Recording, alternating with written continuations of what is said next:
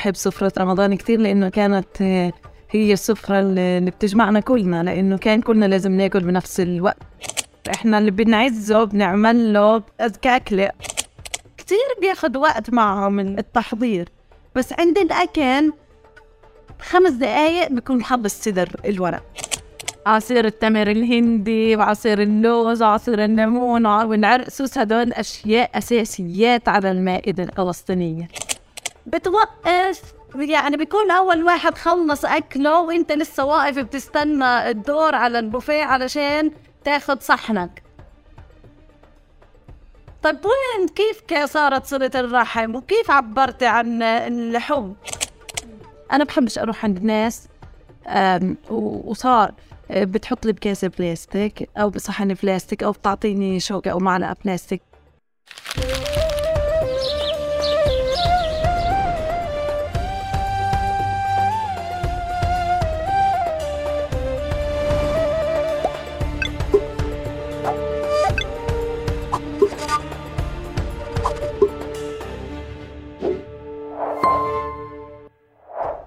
مرحبا واهلا وسهلا فيكم في حلقة جديدة من بودكاست تقارب. حلقتنا اليوم كمان حلقة من حلقات آه، رمضان واللي راح تناقش كمان موضوع من مواضيعها آه، وتفتح واحد من الأسئلة اللي دائما موجودة. برمضان بتكثف بس دائما موجود وفي حوار طويل عريض يتعلق بالطعام والأكل وموائد الطعام بس نقاشات ثقافية واجتماعية وكتير عادات وتقاليد وكتير محاولة لرصد كيف تغيرت موائدنا وكيف صار شكلها اليوم. مع العزيزة فداء أبو حمدية. قبل ما أرحب فيها أه بدي أذكركم وأشكركم على الاشتراك بالقنوات اللي قاعدين بتسمعوا فيها أو بتشوفونا عليها. شكرا لكم وشكرا كمان على تفاعلكم ومشاركتكم لكل الحلقات أه أو مقاطع منها أو الحديث عنها أو الحديث آه، لحدا مهتم أو مشاركتها مع حدا مهتم. والنقطة الثالثة بسعدني جدا أضل أستقبل منكم آه، مقترحات آه، ضيوف مقترحات مواضيع أو أسئلة بتخطر لكم حتى لو إنها أسئلة أولية لأنه بنطورها وهي بتتحول لمواضيع حلقات تقارب تقارب. منصتكم وبحب أسمع منكم دائما آه، أسئلتكم واستفساراتكم. شكرا ويسعد صباحك ومرحبا يا فداء. يسعد صباحك أهلا وسهلا. إحنا بس هاي المقدمة الرسمية. هلأ كل سنة وأنت سالم. وانت سالم. خلص هيك خلاص. أنا أنا أنا كنت قاعد بفكر أول إشي إنه إذا الواحد بيحكي كل عام وأنت بخير تطلع رسمية. بتطلعش اللهجة المحلية تبعت كل واحد فينا. بس إذا بحكي كل سنة وأنت سالم تمام تطلع اللهجة بتنكشف اللهجة بالكامل صح ولا لا؟ صح. وأنت سالم. وأنت سالمة. أنا اليوم هي اللهجة الطاغية تكون الخليلية طبعا. طبعا والنعم طبعا. طبعا وبعدين انت عارفة أنا فعليا من طول كرم وأنت المفروض من الخليل ففعليا في ثقافات هيك بدها تتقاطع اليوم وبدنا نتجادل فيها. موائد الأكل أوه. وموائد الطعام. بدنا نشوف شو بتاكلوا أنتم طيب فدا أول شيء أنا بترك الضيف يعرف نفسه كما يحب. فتفضلي عارفينا على حالك. أول شيء بس من بعد إذنك التعريف اللي شو بتعمل اليوم وبعدين خبرينا كثير عن حالك وشو بتحبي أو كيف بتحبي تعرفي حالك. تفضل. آه أنا فداء أبو حمدية. آه طبعا من اللهجة مبين إني من الخليل. فيش حدا بيشوفني إلا بيحكي خليلية مش مبين عليك. المرة الجاية لازم أكتب هون. فداء أبو حمدية شيف آه وبكتب بعلم في في الجامعة طلاب بعلم ماركتينج وبعلم نحكي قصص الأكل. وبعمل كمان شغلة حلوة كتير اللي هي السياحة الغذائية. بجيب السياح بعرفهم على آه، فلسطين من خلال الأكل وهذا هو أكثر إشي بحبه إني أعرف عن فلسطين آه، من خلال الأكل. شو بدك تعرف كمان؟ كمان. عمري. كمان؟ آه ولدت في الخليل سنة 1982 آه لكم الرياضيات مش مش شغلتي. آه بعدين درست في الخليل وبعد بعد الخليل رحت على القدس على على نوتردام درست سنتين وبعد القدس رحت على إيطاليا. ودرست في إيطاليا علوم وثقافة الطعام وبعدين عملت ماستر آه تثقيف مجتمعات وتغذية. آه هو اسمه تغذية وتثقيف مجتمعات بس أنا بحب أحكي تثقيف مجتمعات وتغذية عشان بحب أشتغل في ال- الغذائي للمجتمعات مش في التغذية آه وبعدين رجعت على فلسطين. عندي بنت اسمها جوليا أماني. آه وبشتغل هيني بفلسطين وهلا أنا قاعدة بحكي معك. يعني في الوقت الحالي الحالي الحالي أنا بحكي معك. امبارح رجعت من السفر. وكنت أحكي عنك السلامة. فلسطيني الحمد لله على السلامة وأهلا وسهلا الله يسلمك. فداء فداء كيف بتحبيش يتم تعريفك؟ كيف بحبش يتم تعريفي؟ يعني بحبش الرسميات كتير وهيك. أه بحب أكون شيف. أه وبحب لو قدام شوي أكون شيف فنانة. شيف فنانة؟ آه بحب هيك حابة أدمج الفن بال آه، بالأكل. حلو. حلو. بس انت على جاوبتيني لسه شو بتحبي؟ أنا بدي أسمع شو بتحبيش. شو بحب مش عارفة. يعني في أشياء بتكون لها علاقه اوصاف تصنيفات آه، جرب جرب يحكي مسميات. شغلة شوف بحبها ولا لا. لا بعرفش في ناس بتحكي أشياء لها علاقة بالعيلة بالمناطق ب ب آه، بطبيعة شغل آه،. صفة رسمية وصف هو آه. ما بيشبهه. آه هو بيعتمد. آه كيف الحدا بيحكيها؟ طبعا أنا من آه يعني نشأت وترعرعت في حارة أبو سنينة فهو بيختلف كيف حدا بيحكيها. أنا كتير بحب شايف كيف ما شغلة بحبها إني أنا آه، انولدت وانضرب بحارة أبو سنينة وحارة تحت يعني زي ما بيحكوها آه، في الخليل زي ما هم مقسمين بس كيف الحدا بيحكيها؟ ممكن بحب أو بحبش. أشوف جرب بيحكيها أشوف بدي أحب كيف أبو تحكيها ولا. لا. لا هيك حلوة عادي يعني. شكرا كتر خيرك اعتبار محبة أبو سنيني هذا بس صحنك طيب أنت. محظوظ.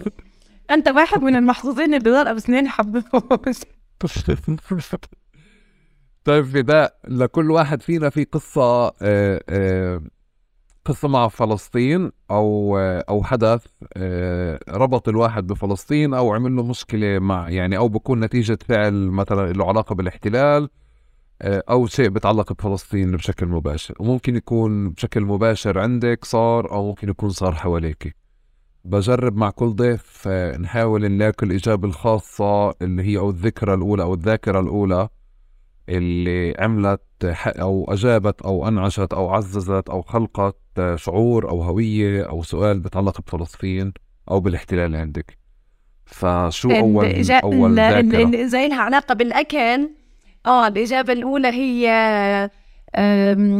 ما بقدر أنساها في أيام الجامعة كنا في معرض في تورينو آه، اسمه تيرا مادري هو معرض منظم من سلو فود وكان في هذا المعرض chefات فكان في شيف إسرائيلي ببيع بيعطي ال card تبعه وبيحكي إنه ادخلوا على ال website. فأنا دخلت على ال website هذا. إيه واحدة من الأشياء اللي بيعملوها في ال website تبعتهم إنهم ببيعوا أكلة ببيعوا الوصفة تبع الطبخة وهي الوصفة آه، بروح آه، ريعها بيعها لمستشفى علشان الأطفال ال- الإسرائيليين اللي, اللي يصابوا من اللي بيسموه الإرهاب الفلسطيني فهي كانت صدمة آم، هي كانت واحدة من الصدمات يعني أول صدمة بس كمان مش كتير حركت فيي ال- الإشي اللي بدنا نحكي عن فلسطين كان الواحد بنغاظ وبتضايق. بس آم، كمان صدمة تعرضت لها بعد ما خرجت من الجامعة وكنت ألف ب... بمدينة اسمها باريزا برضه في شمال إيطاليا. وكان في معرض وكان ناس من دول كتير مشاركة في هذا المعرض. فكان آه، محطوط علم إسرائيل وأكل. فقلت يلا بدي أروح أشوف شو شو عاملين هدول اليوم حاطين صورة القدس ومنزلين هيك أشياء من السقف آه، محطوط مجدرة مقلوبة. حمص أو خمص يعني زي ما بيحكوا هم. وتبولان تبولان أو أو بعتمد كيف لفظها بيجي من وين هو إجا. الإسرائيلي اللي قاعد ببيع أكلنا الأكل تبعنا كله أنا بحكي كل المنطقة. فهي هي هي صدمة كبيرة. هي هي خلتني أبلش أكتب في البلوج تبعي أكثر وأكتب عن يعني أستخدم فلسطين الأكل الفلسطيني في التعريف عن فلسطين في إني أحكي عن فلسطين. طيب بدي أرجع لورا لكتير بدري بذاكرت بطفولتك ونشأتك ويمكن يكون له علاقة بالخليفة أبو سنينة في شيء ما بس في حدث بذاكرة كل حدا فينا بتعلق بفلسطين بدي بدي أعرفه. اللي اللي مرة تانية إحنا بنخلق بمحيطات كلها فلسطين فيها كتير رموز فلسطينية يعني ممكن هذا السؤال يكون غريب لإلك بس في بذاكرتك أو هلأ يخطر لك ممكن شيء صار مع أهلك شفت شيء شفتيه بالتلفزيون شيء صار معك صار مع حدا من محيطك بس في الحدث اللي اللي عمل وعي أو صدمك وحول الوعي العام العادي. لوعي صلب بتعلق بفلسطين وين بدك توصل؟ بدي أوصل للحادثة الأولى أو المشهد الأول اللي فتح سؤال فلسطين مش المشهد مع الشف الإسرائيلي. أنا أنا اللي جاوبتك اللي بيتعلق بالطعام بس هي أكيد يعني أنا بطفولتي مشاهد مليانة وبديت أنا أنا يعني تربيت في حارة أبو سنين. هلا أنت بدك تفتح مواجع. إحنا كنا ساكنين قبال الحرم يعني التنة وقبالنا الحرم الإبراهيمي. هاي شغلة حلوة كنت أحكي أنا إنه هاي شغلة هذا شيء حلو يعني إنه الواحد يطلع على السطوح يشوف الحرم إيمانه. ف الشغلة الثانية أنا بدي أحاول لسه بالبداية إحنا بدي أحاول أمسك حالي. لا لا تمسكي حالك. هو اسمعي هذا هذا هذا التقارب هو فعليا ما فيش مازال تمسكي حالك ولا تديري حالك فيه. أه وقبل وقبل بس عشان هيك أحكي لك إنه هذا يمكن سؤال صعب على الكل خاصة يعني إنه آه، الضيوف اللي مش آه، آه، مش مميزينه فبكون صعب إنه ترجع ذاكرة يعني ذاكرة ثقيلة. بس يعني هو هذا هذا هذا اللي بيجاوب عن علاقتنا بفلسطين في البداية يعني. إيه وأنا صغيرة كنت أمشي كنت كانت مفتوحة الخليل وكنا إيه نمشي ب... وننزل على البلده القديمة عادي بدون بدون الحواجز الموجودة هلأ. بس كمان كان في مستوطنين قدنا بعمرنا يعني أطفال. كان معهم سلاح وهي كانت شغلة غريبة يعني. كتير بتأثر في الواحد وبتضل إنه هو طفل زيي. بس هو حامل سلاح وماشي ومستقوي علي. وأنا صغيرة كنت أحب أروح الحرم وكان هو خلينا نقول متنفسنا وملعبنا الحرم. فمرة رحنا نتنفس ونلعب في الحرم وصارت المجزرة. آه كمان هذا آه آه إشي في فلسطين يعني ضل جواتي. وقربني كتير من فلسطين مع إنه إشي سيء جدا.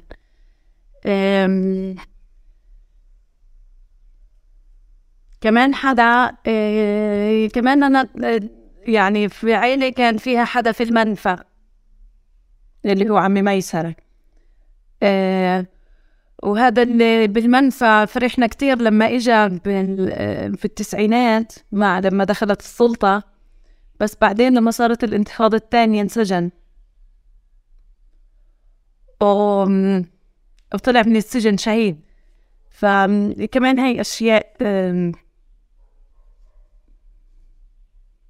بتأثر أشخاص وأحداث هي كتيرة.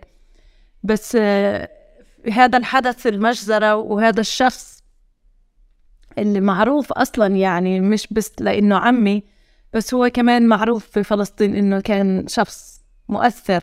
فما بالك آه، كان مؤثر على الناس اللي مش قريبة عليه اللي عمرها قرأت له أو سمعت عنه. فما بالك حدا آه، كان يقعد معه ياكل معه.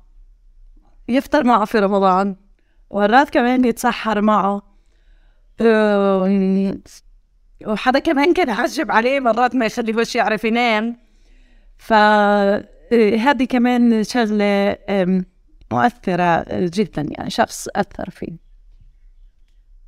خليك ودينك فداء فداء بدي بدي أسأل عن ابو سنيني عشان أنت فعليا من قبل التسجيل بضلك تحكي لي أبو سنيني أبو سنيني وزودت علي في أول الحلقة ابو عليك. فبدي أعمل على تريب ادفايزر وبوكينج وهيك وعلى جوجل فعليا انه things must to do في أو أشياء لابد يجب عليك أن تعملها خلال زيارة أبو سنين okay؟ فأعطينا ثلاث شغلات فعليا آه، تميز أبو سنين أو لازم أعملها في أبو سنين أروح أشوفها أو أعملها أو أسويها قبل ما آه في نبلش. يلا. انت لازم تروح بعدين لازم تتعلم كمان بعض الكلمات. تفضل آه يا خالي أوكي. وهي الكلمة الأولى والثانية. آه وبعدين علامات الاستعجاب يعني انك الاستعجاب يعني إنك تتعجب من شيء تقدرش تقول وال. أوكي. أنت بدك تقول؟ ها؟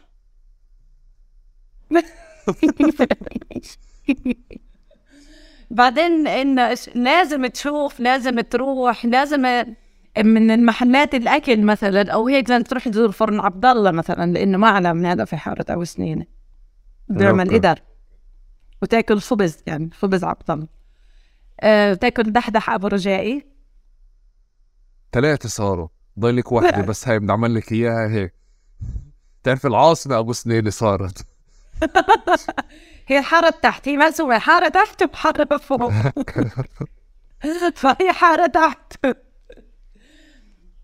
طيب فداء آه، آه، أنا علاقتي بالاكل من وأنا وصغير بوعى إنه أنا بحب الأكل وعلى على مدار تطور آه، تطور أو بالغربة ومع اكتشاف كتير موائد وكتير عادات وكتير تقاليد واختلاف ثقافات الناس كيف تقعد على الطاوله كيف تاكل صرت أشوف تفاصيل وأشياء ما كنت واعي لها يعني ابتداء من الأكل بسرعة لفكره جمع شكل الأكل أو الحميمية اللي في الأكل أو فكرة ال- الناس كيف بتطبخ مع بعض أو بتقعد مع بعض أو كذا. في كتير مسار اللي أنا ممكن اخذ فيه على مستوى بيتنا كيف إمتى ضفنا قطعة دجاج جديدة وإمتى دخل علينا أكل جديدة أو إمتى شكل إكرام أو لما كنا بنعزم عند حدا أو كذا وكيف كنا حتى نربط علاقاتنا بخالتي وعمتي بإنه فلان بتعمل دجاج محشي زاكي. أو فلان بطبخ كذا زاكي. ففي طول الوقت آه، آه، مساحات مربوطة بعواطف وبنفسية بتفاصيل اقتصادية واجتماعية كثيره بدنا من هون لآخر الحلقة رح نمشي فيهم كلهم زي ما اتفقنا أنا وياك. بس بالأول بدي كمان أسمع آه، هيك شوي عن روابطك الأولى بالأكل أو المشاهد اللي أنت طلعتي منها قبل ما نبلش نحكي عن فداء كشيف. بس شكل المائده اللي كنت تقعدي عنها تقعدي عنها تقعدي عليها أو تقعدي فيها. حلو آه، أكيد كلنا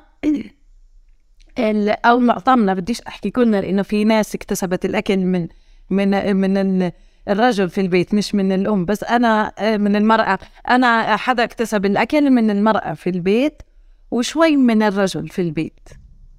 بس بنعرف الرجال دائما هم بيعملوا صواني وبيعملوا أشياء يعني السريعة والهذا بيودي على الفرن وبيسوي اكل بس هي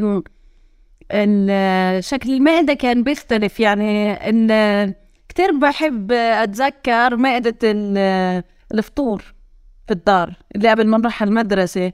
كان لأنه غ- كمان غصب عنا إحنا. بس هي بعدين تكتشف إنه لا شغلة حلوة إنه كمان غصب عنا لازم نفطر قبل ما نروح على المدرسة. بس أمي كانت تقلي بيض وتحط زعتر زيت. وتكون غالية شيك ولازم لو لقمة لازم تاكل قبل ما تطلع قبل ما نطلع على المدرسة.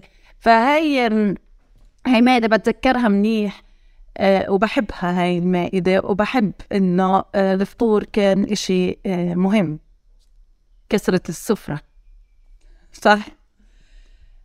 آم وكمان بد... وكمان بحب ال... كان الغداء كمان لما نرجع من المدرسة يكون جاهز بس ما عمريش فكرت إنه ليش عن جد إحنا لازم يكون الغداء جاهز لما نرجع من المدرسة. يعني كنا نرجع من المدرسة يكون جاهز إنه ناكل ال... فهي شغلة بحبها. ما كنتش أقدرها بهداك الوقت.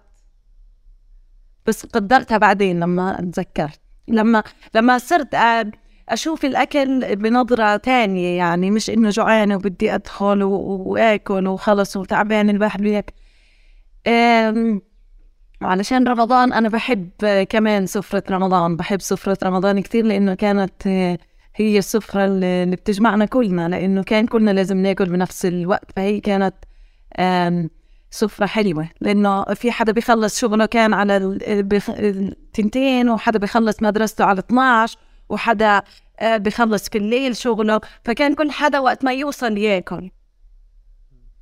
بس رمضان كان كلنا لازم نقعد آه، نتسحر مع بعض وكلنا نقعد نفطر مع بعض. فهي المائدة الجميلة. هلا كيف شو محطوط فيها المائدة؟ آه، هذا إشي تاني. رمضان كان دائما مختلف عن كل الموائد الأخرى طبعا في تنوع أكثر كان رمضان. طب تعي سلطة بطحينة لازم في خلاص. الخليج طيب تعي أول شيء بس لأنه أنت ذكرت موضوع الوقت آه كان دائما غريب لإلي إنه كيف الطبخ كان يخلص بساعة واحدة. يعني يوم الجمعة بعد صلاة الجمعة إذا بدي أذكر هيك في مرحلة اللي هو دار سيدي يعني العائلة الكبيرة إنه الناس اللي كانت تتجمع فعليا بتكون في 12 واحد قاعدين ولا أكثر حتى موجودين مع صغار وهيك. إحنا كنا بنروح نصلي الجمعة بنرجع من الأكل الأكل كله جاهز دائما هيك. فارتبط فعليا بذاكرتي على مدار فترة. غير قضية المدرسة اللي هو في الوقت تبع الطلاب بس يرجعوا بس. تعي نبلش من هون هذه أكلة الجمعة. أول شيء قبل رمضان. بظن يوم الجمعة بثقافتنا اللي مربوط ب بساعة بوقت بجمعة العيلة الكبيرة واللي الناس ممكن تفطر أو ما بتفطر. بس حتى لو أفطرت أو ما أفطرت وقت الغداء بكونوا حاضرين بكم كتير كبير صح؟ صح بس أنا هاي ما حكيت فيها لأنه ما كانت يعني ما عنديش ذكرى كتير آه، إلا أكيد هو يوم الجمعة وكان يوم المقلوبة ويوم إنه بعد الصلاة يكون الأكل جاهز. بس أنا فيش عندي كان إنه نروح كلنا عند دار سيدي مثلا وناكل وتكون الجمعة هاي. إيه، ستي أنا كانت في القدس آه، ساكنة فكنا بالعيد مرات نروح أو هيك يعني ما عنديش ذكرى زي كل الناس اللي في ال آه، بالجمعة نجتمع. بس في آه، اجتماع كان يصير عنا اللي هو اجتماع العيد. فالاجتماع العيد كنا كلنا نيجي وإحنا كمان إحنا كتار لأنه أبوي تجوز أكثر من وحده فإحنا كتار. فهذا اجتماع العيد كان حلو. كان إيه، كنا نعمله قبل ما أبوي يموت يعني كنا نجتمع كلنا في دار مرت أبوي والاجتماع كبير يكون وهلا صار الاجتماع أكبر آه، بالرغم من من أبوي الله يرحمه آه، يعني ت- فارقنا بس بصير الاجتماع لهلا وصار أكبر هذا الاجتماع. فهذا اجتماع بتذكره أنا وهو هذا اجتماع حلو كتير اللي هو اجتماع العيد. أوكي. إيه كم واحد انتو البركة؟ البركه 13 13 يخليكم لبعض ويديمكم يا رب. ست أولاد وسبع بنات. يخليكم لبعض. طيب فداء شو شو علاقة التعبير عن العاطفة بالأكل بثقافتنا إحنا؟ أم... خلي المحشيات الكبار لابوك الام عبرت عن حبها لزوجها فخبط له المحشيات الكبار. شو بدك أكثر من هيك؟ تعبير عن الحب صح. آه. طبعا لا. عدا عن ذلك وهذا تعبير عن الحب كمان يعني إنه هي هذا تعبير عن الحب بس آه، كمان طبعا إحنا بنعبر عن الحب بأشياء كثيره ومنها الأكل يعني بنحكي كلمة حلوة ومرات إحنا ما بنقدرش حتى بثقافتنا يعني التعبير بالكلام آه، هو آه، تعبير مش كتير مش بديش أحكي مستساغ بس مش كتير مرحب فيه بس بتقدرش تكون واضح كتير صح؟ فإحنا بنعبر عن حبنا بالأكل وهذا إشي حلو كتير إحنا اللي بنعزه بنعمل له آه، أو آه، بن- أك- أذكى أكلة أو بنعمل له أغلى أكلة أو بنعمل له آه، إشي هو بحبه كتير فهو حلو كتير لأنه تعبير عن ال... بنعبر عن حبنا لأشخاص بال... بالأكل. وكمان هي نفسها القعدة حوالين الطاولة أو حوالين الميدة ميدة بنحكي لها الماء حلوة. فيها آه، ألفة وترابط يعني أكثر أكثر وقت حميمية بيكون هو الأكل هو وقت حتى لإنه نحكي في مواضيع نتشارك في في مواضيع آه، حلوة هو وقت الأكل. وكمان حتى لما نحكي عن الأكل بيكون حلو كتير. كتير. شفت لما بحكي عن الأكل قديش ببتسم؟ عشان من قلبي بيطلع الأكل. كتير أنا زيك. كتير. لا أنا أنا أنا بس كمان بتطلع بالذاكرة إن إن لحظات حلوة إحنا تقاسمناها وإحنا بناكل مع ناس صح؟ أنا أنا أنا بجرب أحفر مع أو أدور على على إجابة لسؤال إنه إحنا فعلا ما بنعبر أنا متفق معك. فشكل تعبيراتنا عن العاطفة والمحبة هي بأغلبها مادي. بس بالأكل يعني أنت ممكن ينطبخ أكل زاكي. تمام؟ بس ممكن نحكي إنه هدول الجماعة بتفشخروا أو بكرموا تمام؟ بس بحبوا يكرموا الضيف. بس في مشاهد صغيرة بتصير على الطاولة لما حدا بيجي بأخذ القطعة اللحمة اللي اللي يعني اللي بده يعزك فيها ويحط لك إياها.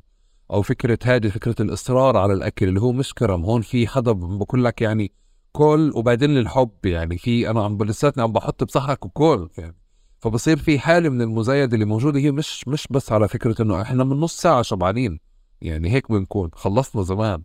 بس طول الوقت بكون في تعبير عن العاطفة بشكل كتير كبير آه اللي اللي مثلا حتى جزء منه أو جانب منه ممكن حدا يتصل لك تليفون لأنه بيعرفوا إنك أنت بتحب الأكل هذا فبتصلوا عليك عشان يعزموك عليها أو هيك. أنا بظن إنه هون في يعني عم بجرب أشوف إذا في بذاكرتك شيء ما أو في تفسير أو تفكير ب ب ب بشكل تعبير عن العاطفة والمحبة من خلال الطعام والأكل أكثر من فكرة إكرام الضيف إحنا كيف نعرفها يعني.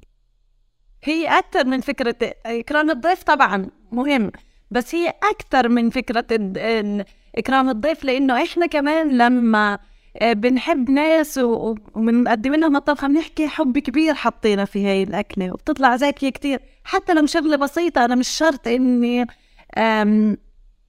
هون في طبخه أنا بعبر عن حبي. في طبخات بعبر فيها عن كرمي وفي طبخات بعبر فيها عن حبي. يعني ممكن أنا أعمل صحن باستا مع بندورة لا لا لحدا بس يكون تعبيرا عن الحب مش تعبيرا عن الكرم لأن هاي باستا وصلصة بندورة بالنهاية.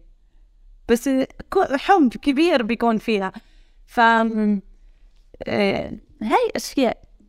أنا أنا أنا وبسألك هذا السؤال وبتعرفي بوعي شوي مستفزني إنه مؤخرا بلشت تطلع هذه tips and tricks في العلاقات انجاح العلاقة إنه لا تطبخي له بأول مرة أو لا تطبخي له تطبخي له ثالث مرة أو إذا طبختي بتكون sign أو إشارة لكذا وكذا إذا بعتي له أكل أو عزمتيه برا أو عزمك برا.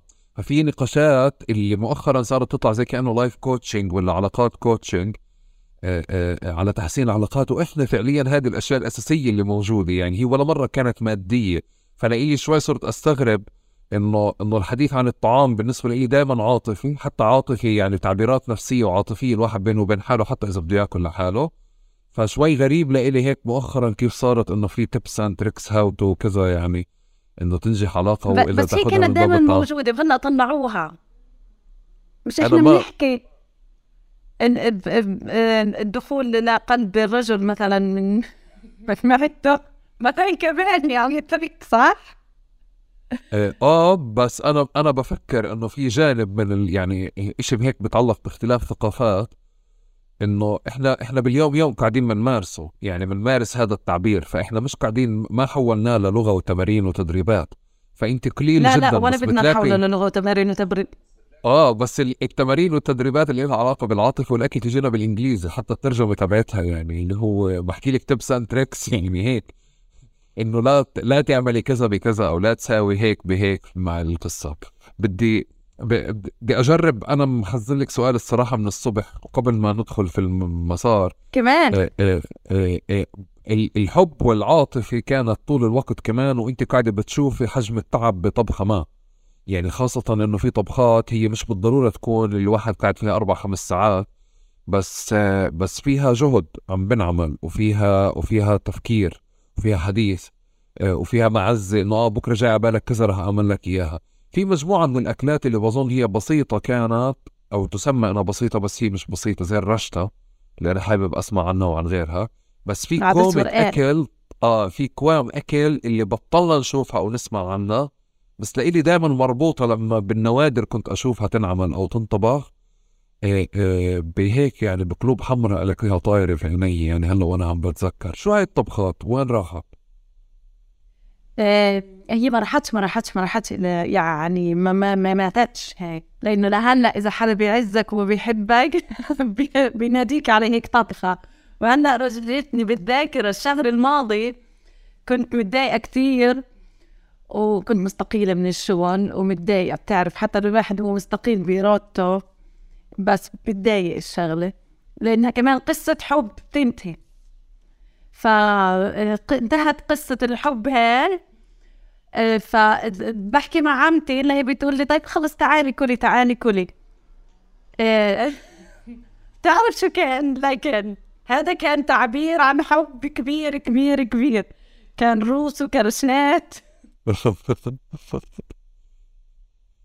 أكثر من هيك تعبير عن حب. ما كانش فيه طبعا. أول شيء يرفع المعنويات ويخفف من الحزن يعني بعد قصة الحب اللي انتهت آه، بالفشل مع الشغل فكان روس وكرشات هلا كمان حلو آه، بحب كمان حدا يعزمني على عدس ورقاق إحنا بالخليل بنحكي عدس ورقاق عنا أو رشتة طب ه- وتطماجن هذه الأكلات معلش أنا سألتك عنها لأنه هي أقل جهد أو أنا بفكر إنه هي أقل جهد وما فيها التكلف.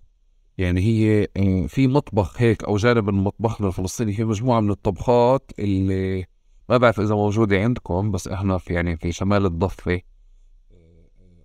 كانت لفترة موجودة كتير. هيك مجموعة من الأكلات البسيطة اللي عن جد بتنعمل صنع في حب و- وما فيها تكلف على مستوى مادي على مستوى آه، على مستوى جهد ومادي هيك بشكل واضح. بس كمان عم بتكون أكلات كتير بسيطة ولطيفة وبتنعمل بحب هادي عم تختفي أو آه، صار الحكي عنها أقل اليوم. طبعا أنا بأيدك بموضوع الفوارغ. عمتي كتير بتحبك. شكرا. تمام بس خلينا نكمل العفو. الموضوع. لا آه عمتي كتير بتحبني. آه لا لسه بنسويها هاي الأكلات. بس صارت أكلات هيك يعني صارت أكلات مناسبات. مرتبطة فقط في مناسبات يعني. زي شو؟ بالخليل في الخليل العدس ورقاق وال- بت- تستخدم في الندر يعني هم بندروا شغلة فبيوزعوا عدس ورقاق بي- بيوزعوا يعني نوع من. مش بيوزعوا الناس خبز وبيوزعوا الناس بالخليل كمان بيوزعوا خبز بيوزعوا أشياء تانية. بس كمان بيوزعوا صحون عدس ورقاق ندر فهي شغلة حلوة. هي ماديا غير مكلفة كتير. بس جهد فيها لأنه إذا حدا آه، بيشتغل لك إياها بتقوم بتعجن وبعدين آه، بتريح العجين وبت وبترق العجين وبتقطع العجين وبتستنى العدس لما يستوي وبعدين بتدب فيه العجين القطعة فيها جهد وبعدين بتحمر بصل وبتقطع بصل تاني وبتحط عليه سماء وبتفركه. ففيها آه، جهد وفيها حتى حب كبير لأنه كمان حدا قاعد بطلع من الذاكرة آم، تبعته طبخة تعلمها وقاعد بطبخ لك إياها يعني. هي أنت كمان في هاي الأكلة خصوصاً الأكلات القديمة بتحس حالك قاعد بتاكل مع الناس اللي عملوا هاي الأكلة اللي بدوا في هاي الطبخة. خصوصا لما يحكوا لك إنه أنا تعلمتها من فلانة الفلانية و... وكانت تعملها بهاي الطريقة وشوفي ما أزكاها. ضليت متذكرة أنا كيف بتعملها والطعم لسه وبحاول إني أعمل الطعم زي ما هي عملت لي إياه وزي ما أنا شفته. فهي شغلة كتير تكون فيها تكلف كمان تكلف يعني خلينا نقول فكر كمان يعني. دليل تفكير في الشخص كتير. هي شغلة بحبها. مرات أو- عمتي بتعمل لي أشياء بتقول لي ستك الله يرحمها كانت تعملها بهاي الطريقة فبحب أتذكر أنا ما عرفتش ستي كتير كان عمري خمس سنين لما ستي آه راحت. آه على الدنيا التانية ف بس في اشياء كتير عمتي بتعملها تعلمتها من ستي وبحب كتير إني آكلها. أنا أنا أنا بس شوي عم بجرب أشوف لأنه الجزء كتير من يعني أنا بفكر هيك إنه شايف المشهد اليوم. مش عم بنفذ جهد اللي فيها الطبخات آه، بالعكس لأنه فيها جهد ولأنه فيها كتير محبة ومعزة. بحكي عنها بس أنا راح اليوم عم بشوف أغلب الموائد اللي موجودة راحت باتجاه آه، آه، تكلف مادي أكتر وثلاث أربع أطباق أو خمس أطباق أكتر من فكرة إنه في طبق أو طبقين اللي الواحد مهتم إنه يعملهم. ففي هيك جزء من خاصة كمان إنه أنا وأنت بنحب نصور يعني طبعا بفترض بنحب نصور ننشر على الإنستغرام. الأكل اللي بنعمله فلازم تكون المائدة عمرانة وهيك. آه بدي بدي أجرب بس أفهم منك هلأ إذا إذا بدنا نحكي عن المائدة الفلسطينية كيف بنعرفها انطلاقا من مائدة رمضان. كيف كانت؟ مش كيف اليوم موجودة؟ بس أنت كيف بتوعيها؟ كيف تتذكري؟ وإذا بدنا نحكي بدك توصف إنه شيف إيطالي مش فلسطيني. بدك تحكي له على إنه برمضان إحنا كيف اعتدنا أو كيف الفلسطينيين بيعملوا موائدهم بشكل عام. آه، كيف بيساووا آه فيها؟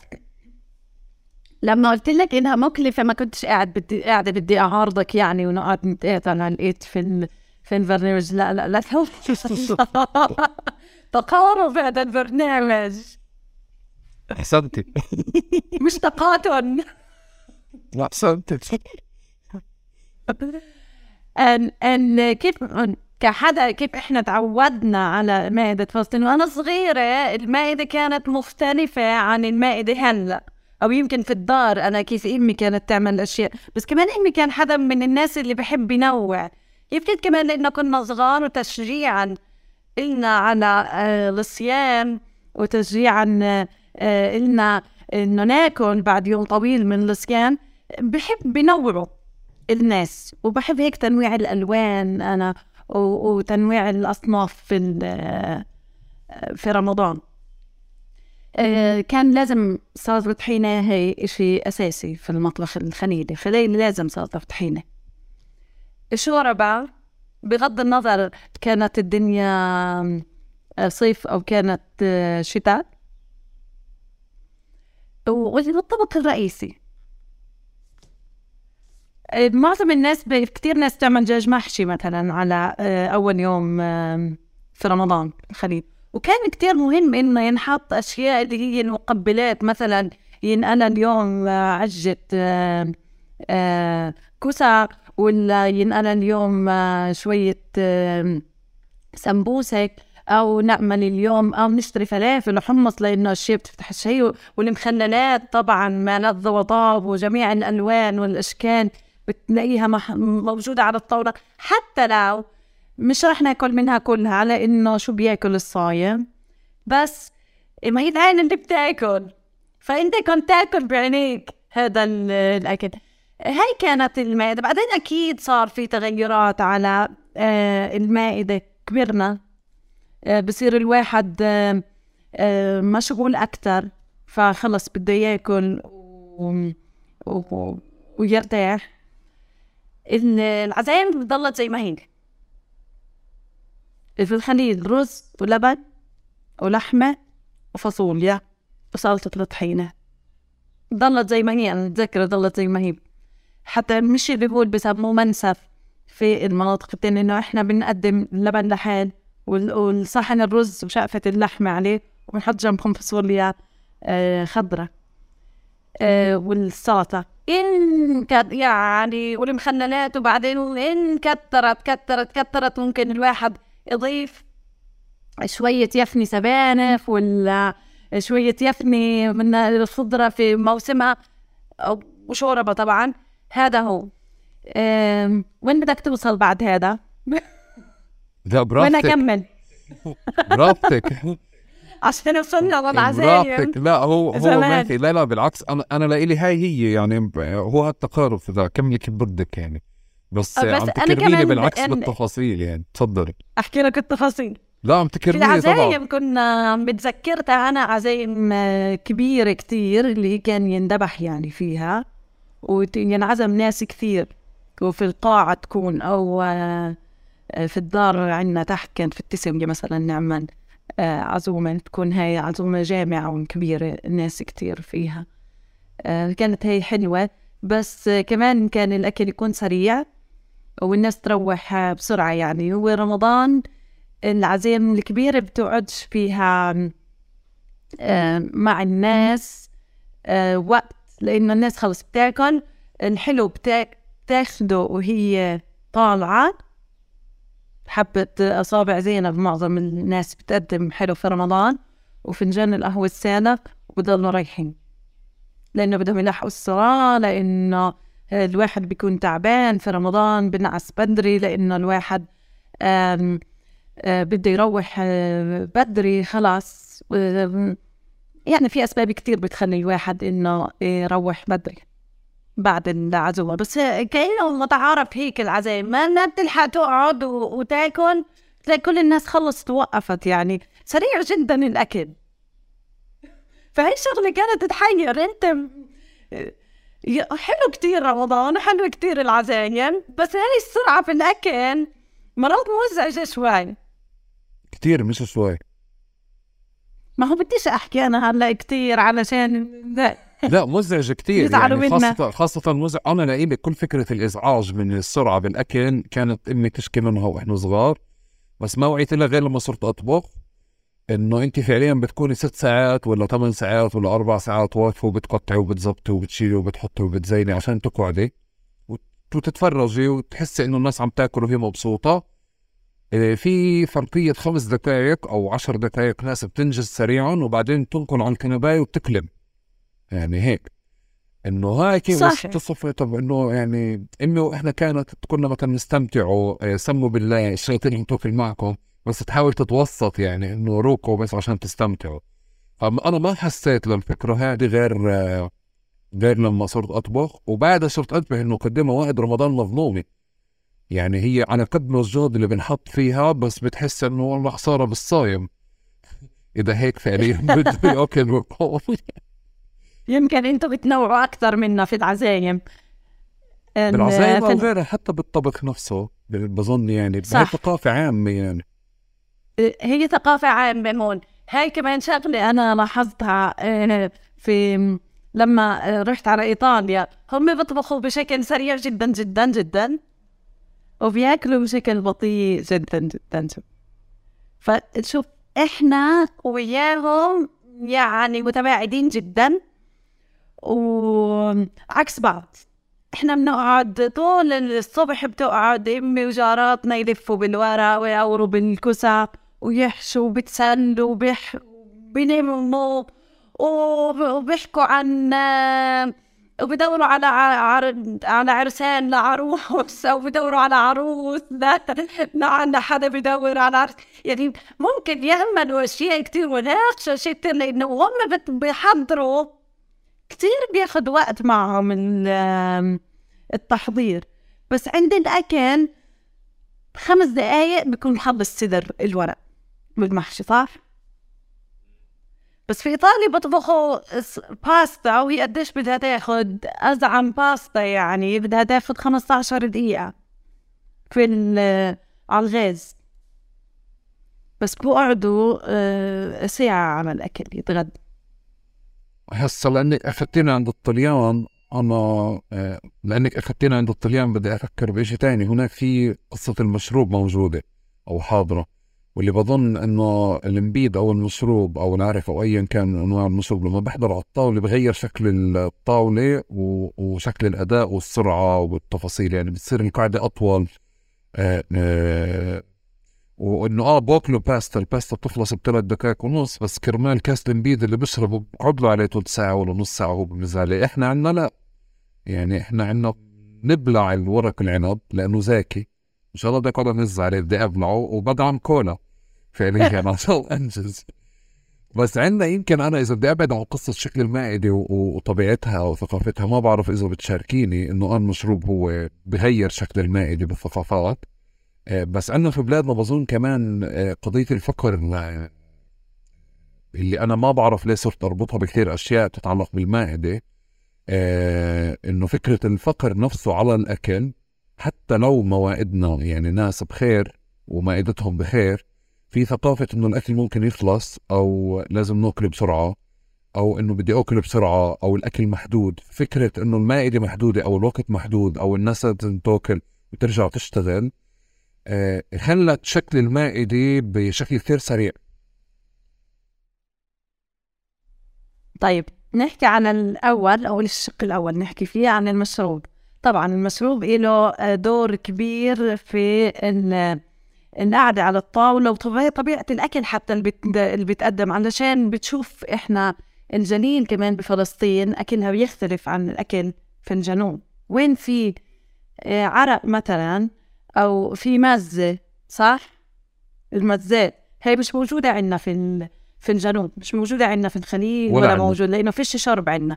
بس وين في شرب بتلاقي في أكثر بتلاقي الكبة النية والكبة وال آه والسلطات الصغيرة وبتلاقي كل الأشياء هاي الناعمة الصغيرة لأنه هي أشياء بترافق المشروب. إحنا فيش عندنا مشروب؟ فكوكا كولا بنشربه وبناكل على السريع. آه هذا شق. الشق الثاني آه يمكن آه طبعا أكيد الوضع الاقتصادي كتير بيأثر على كيف الناس بتاكل. آه إحنا دائما بناكل بطبق واحد. وكلنا حوالين بعض. فالعائلة كبيرة فبتاكل بياكل بسرعة يمكن بخافوا إنه آه، بده يخلص الأكل. أو أنا بدهم الكل بده ياكل خلص بدنا نخلص الأكل. فهي شغلة من الشغلات. آه والأمثال الشعبية كل غب غب جمال وكل أكل رجال وشي زي هيك في مثل فهي كمان أثرت عليها ويمكن إنه كمان هو نوع من تعبير عن الحب باتجاه الأكل إنه إحنا كمان هذا مش عندنا. يعني إحنا كمان الأكل ماخذينه على إنه هو إشي إحنا بناكله عشان نعيش. البعد الثقافي والبعد الجمالي في الأكل والحب هذا باتجاه الأكل. بنفكرش فيه كتير بنعطيش أهمية. يعني بنعطيش أهمية لحبة الورقة وللدالية وبنعطيش أهمية للأرض اللي إجت منها هاي الورقة. هاي الأرض اللي بنحبها إحنا وفي ناس تستشهد علشانها بس إحنا بنعطيش أهمية كتير لهي الكساية من وين جاية؟ آه من أي أرض إجت؟ من المزارع اللي زرعها؟ يمكن إحنا كمان لازم نرجع لهاي الأشياء ونقدر أكثر المنشأ كمان هذا آه، الطبق الأرض اللي جاك منه الإيدين اللي اشتغلت آه، اللي زرعت والإيدين اللي اشتغلت هذا الطبق. بعرفش إذا فيني أو لا. أو فهمت علي أو لا. لا أنا أنا يعني بوافقك طبعا بس بس ما بعرف ليه راحت ببالي وأنت قاعد بتحكي على يعني إنه مش متأكد قديش قديش بزبط اللي أنت قلتيه على كل إشي لأنه المزارع نفسه يعني يمكن حتى المزارع اللي بالأرض هيك قعدت أفكر وقت الزيتون الناس اللي ممكن بتكون قاعدة بتاكل بسرعة وقت الزيتون بتاخذ راحتها. يعني بتاكل بطيء أو بتاكل بهدوء ما بعرف يعني بس هيك يعني فجأة طلعت لي صورة الزيتون الأكل اللي بكون هناك قديش الناس ممكن تكون قاعدة بتاكل وبتمز. آه، بتستمتع بالأكل أكثر آه، أكثر من حدا بيعمل أشياء وفي مائدة هيك اللي الناس بتلتم حواليها. طبعا قبل ما الناس اليوم تبلش تضمن وتاجر تستأجر ناس عشان تشتغل بالأرض آه، فيها. إذا إذا صرنا حاكيين على الجانب الاقتصادي بنفع نرجع شوي. أنا كمان بوعي من بالانتفاضه الثانية تغيرت أشكال موائدنا. بس قديش فعليا بلاد مثل بلادنا اللي بتمر دائما بظروف يعني قاهرة أو صعبة آه، بتغير أشكال الأكل تبعنا لأنه مرتبط الإشي بشكل مباشر للأسف بشكل مادي بقدرتنا على الشراء وقدرتنا على على على إنه شو نجيب ونعمل في البيت. فانتبهت إنه في شغلتين أشكال الموائد تتغير بمعنى إنه مثلا يا إما إحنا بنخفف وتيرة شراء اللحمة أو بنروح دجاج أو حبش أكثر الحبش اللي أنا تفاجأت إنه برا يعني هذا بالمناسبات بس إحنا لفترة كان بالانتفاضه طبق يومي أو طبق أساسي في البيوت يعني. ففي إشي بتعلق بجانب اقتصادي وفي جانب تاني إنه في كمان تكي... تكيف ل... لصنع أطباق أو آه، تعويض إشي بإشي عشان أعمل الإشي نفسه. يعني ممكن أعمل المقلوبة عشان بدي عنصر اللحمة فيها أستخدم أكثر من شغلة ممكن أستخدم شاورما. إنه أجيب شاورما من برا من مطعم وأستخدمها بواحد من الطبخات. فبنفع تحكي لي شوي هيك من من من اطلاعك وخبرتك على موائدنا أو مطابخنا قد إيه تأثرت أو بتتأثر ب بالأحداث اللي بتمر عنا واللي بتضربنا اقتصاديا بشكل أساسي. هي أكيد بتتأثر آه وبدليل إنه آه، حتى هو الاكل سياسي يعني حتى سياسيا آه شوف كيف إحنا التوزيعات وال والاشياء والطرود اللي كانت تقدم في الانتفاضة كان فيها كأنه بيفرضوا عليك إنه تغير كمان معدتك كان يعطوك عدس كان يعطوك معلبات صح؟ والفاصوليا الناشفه فهم بيرجعوك. على البقوليات اوريدي بيعطوك بدائل اللحمه بروتينات بديلة علشان آه تغير طبيعة آه الأكل. كأنه بنفرض علينا هيك أنا بفكر كأنه كان مفروض علينا إنه إحنا نغير طبيعة الأكل تبعتنا وعوض وتعويض فيها بالبروتينات. شغلة تانية آسفة. لحظة. لا لا إحنا خذي راحتك. لا خذي راحتك خذي راحتك. شغلة ثانية أنا بدي أضيفها. إيش؟ تفضلي أحكي. أخذ راحتي ونعمة قهوة. تفضلي. شكرا. لا أثر من هاي الناحية أثرت فيها. أثر الثانية إنه البدائل طبعا في ناس استني بدك تعملي قهوة بتقدري تعملي قهوة عن جد. آه. آه بتقدري. اليوم آخر يوم تشربي فيه قهوة بالنهار. صحيح. غدا رمضان لازم يخفف الواحد بس آه لا هي الناس اللي غيرت موائدها هي الناس الأقل حظا خلينا نقول في في كل البلدان الناس اللي بتغير موائدها وبتتأثر هي الناس الأقل حظا. يعني الناس اللي كانت تقدر قبل الانتفاضة آه إنه تعمل طبق معين الوضع المادي أو أكثر حظا من ناس ثانيين ضلت تعمل هذا ما كانش عليها تغيرات كثيرة هي الناس اللي بتغير بمائدتها هي الناس أصحاب الدخل المحدود أو الناس اللي أشغالها بتكون بدخل يومي. الناس الناس اللي آه شغلها ما ب يعني بتأثر بالعوامل السياسية أو عوامل اقتصادية تانية بتصير كوارث اقتصادية أو حتى كوارث طبيعية بتصير. هاي الناس الناس عفوا هاي الناس بتتأثر في بتتأثر معدتها فبتصير تحط آه، بدائل آه، بتصير كمان تقضي الشهر بأني بطاطا أو آه، يشتروا فلافل أو يأكلوا نواشف كتير مش لأنه كمان بحبوا هم يأكلوا. هاي المقلي الزهر أو مقلي البطاطا أو مقلي البندر بس لأنه هذا هو المتاح. أو يعملوا مجدرة آه، مثلا مرة بالأسبوع. آه، مش لأنهم بحبوش يعملوا مقلوبة لأنه هيك هو متاح عندهم العدس والبرغل أو العدس آه، والرز وبيقلوا عليه البصل وبيشتروا لبن رايب وبيأكلوه. أو إنه يعملوا شوربة عدس مثلا. للأسف إنه في ناس تتأثر. بس في رمضان بتحس إنه بالرغم من كل المشاكل وال وإنه حظك قليل في الدنيا وفيش مصاري كتير بس الناس بتحاول إنها تنوع. طاولتها بتكون مليانة. تعكس الشهر يعني هو شهر علشان إحنا نتعلم فيه نتقشف ونتعلم فيه نحس بغيرنا. آه لا هو بيكون شهر تبذير بتحس.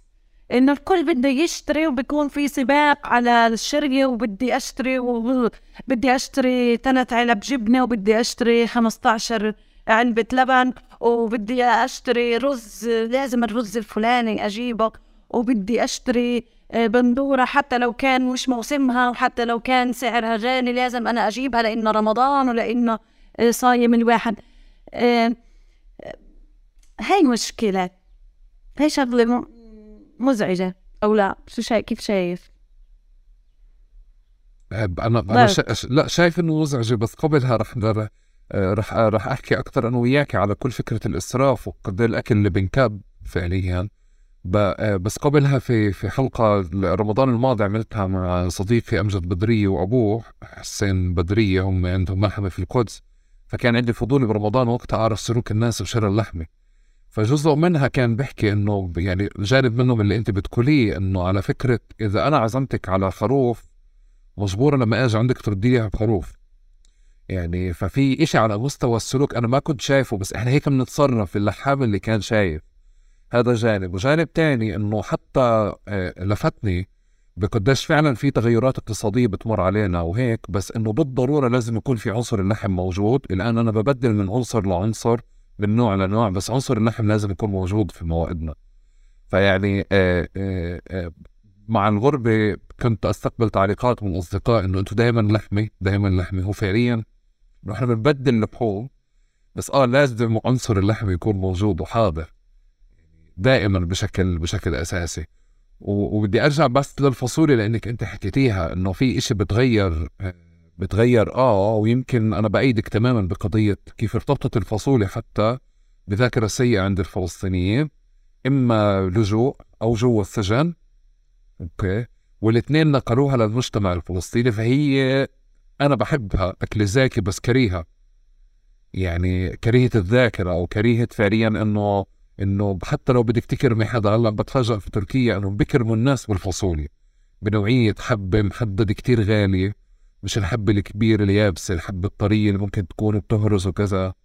فلما بترجع إلى ذاكرتنا بتلاقي إنه في عنصر سياسي أو أحداث ما اللي هي غيرت ال ال الذاكرة بالكامل وعملتها يعني عملتها بشكل صعب فارتبطت الفاصوليا بمستحيل الاسيريا وكلها. أو لاجئ فعليا آه، آه، بجاله طرود آه، ويحب خلص ترتبط بالذاكرة معه يعني. ما في. آه للأسف هذا وأزيد بقدر أزيد طبعا. العدس كمان. العدس هو شيء زاكي كتير. المجدرة زاكي كتير وشربت العدس زاكية بس كمان هي ارتبطت ب بذكريات سيئة عند الفلسطيني لأنه أنت في فترة من الفترات كان الفلسطيني مجبر إنه ياكل عدس. لما عشان نرجع على إيطاليا هم برأس السنة بطبخوا عدس. بيعملوا عدس. لأن العدس رمز للمصاري. يعني علشان هو إن وضعهم المادي يصير أحسن وإنه مصاري تجيهم بالسنة الجاي في رأس السنة بيعملوا عدس. كنت أرفض أنا أولا وإنه من يمكن أنا حدا جاي من فلسطين و... وانتفاضة واكل عدس ولا يمكن. إحنا بجيبش عنا مصاري العدس. إحنا العدس عنا علشان فيش مصاري. بس. أنا نفس اللي انت بتقوليه هلأ هون في تركيا هذا عشان تكوني بالصورة نفسه بس مش عدس فصولي. إنه أنا جاي من فلسطين بدكم تطعموني فصول مش ماكل فصولي طبعا في أنواع فاصوليا كمان. في أنواع فاصوليا عن جد غاليه وب... وب... وهم بيحب بيعملوا لك إياها سواء سلطة أو بيطبخوا لك إياها أو بيعملوا تخيل باستا وفاصوليا وبيكرموك فيها. بس بالنسبة إلنا لا هي أشياء كانت مفروضة علينا.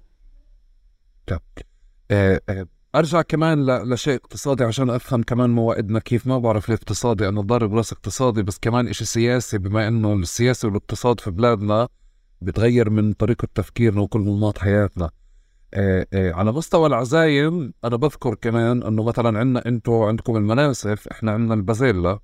بعدين دخلت المناسف آه, آه, آه طبخ البازيلا بالاعراس هو الإشي الأساسي.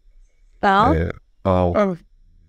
بعدين دخلت ال آه آه, آه، يعني ما بذكر إنه في كل قرآنه إنه كان في مناسف بس بعدين آه مثلا في عرس لإكس من الناس جاي من برا أو معه أو بخير أو وضعه بخير فعمل مناسف وانحكى وإحنا مروحين بتعرفي يعني إحنا برضه زلام نحكي من إحنا مروحين من الغداء عن الأكل وعن قد إيه كانوا حاطين لحمة مثل ما أنتم بتحكوا عن عن الستات والعروس وأنتم مروحات للعرس فإحنا بذكر وأنا صغير إنه كان ينحكى على ال ال الأكل تبع اللي عامل منسف إنه آه، آه، مكرم أو عامل شيء ما أو مساوي شيء ما. بالانتفاضة بتذكر هدول المشهدين انمسحوا. يعني آه، وصلت الناس عند محل إنه تقدم شنتسل أو تقدم شيء ما أو تعمل طبق مثلا صعب يعني طبق متواضع بس كانت الفكرة إنه لازم يقدم. هو وبالنقاش ما بين إنه يقدم. آه ليه ليه لازم يقدم إذا مش قادر يقدم؟ يعني هيك كان في نقاش بس لأنه لازم يقدم. فحتى لو بحط ثلاث قطع أصابع بطاطا مع نص قطعة شنتسل لازم يقدم. بس هي لازم يقدم كمان هي من ناحية دينية إذا بدنا نحكي عن الدين هي لازم يقدم. هي صدقة هي سنة. ف بالعرس سنة؟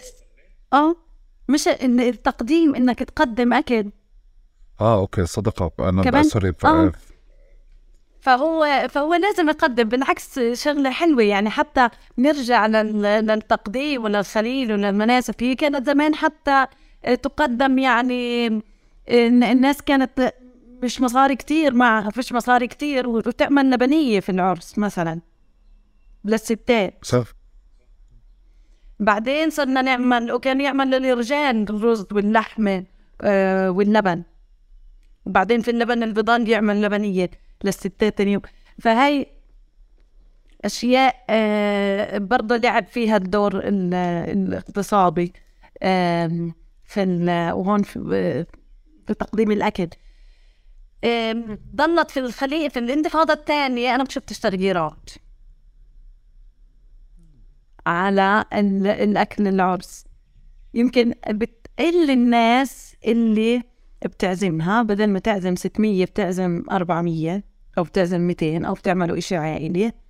بتقل ال- بس ما بتعمل آه شنيتسل أو بتعطي حبتين بطاطا. يمكن هو بتختلف ما هي طبيعة ال- ال- العرس في الخليل عن طبيعة العرس في في طول كرم أكيد.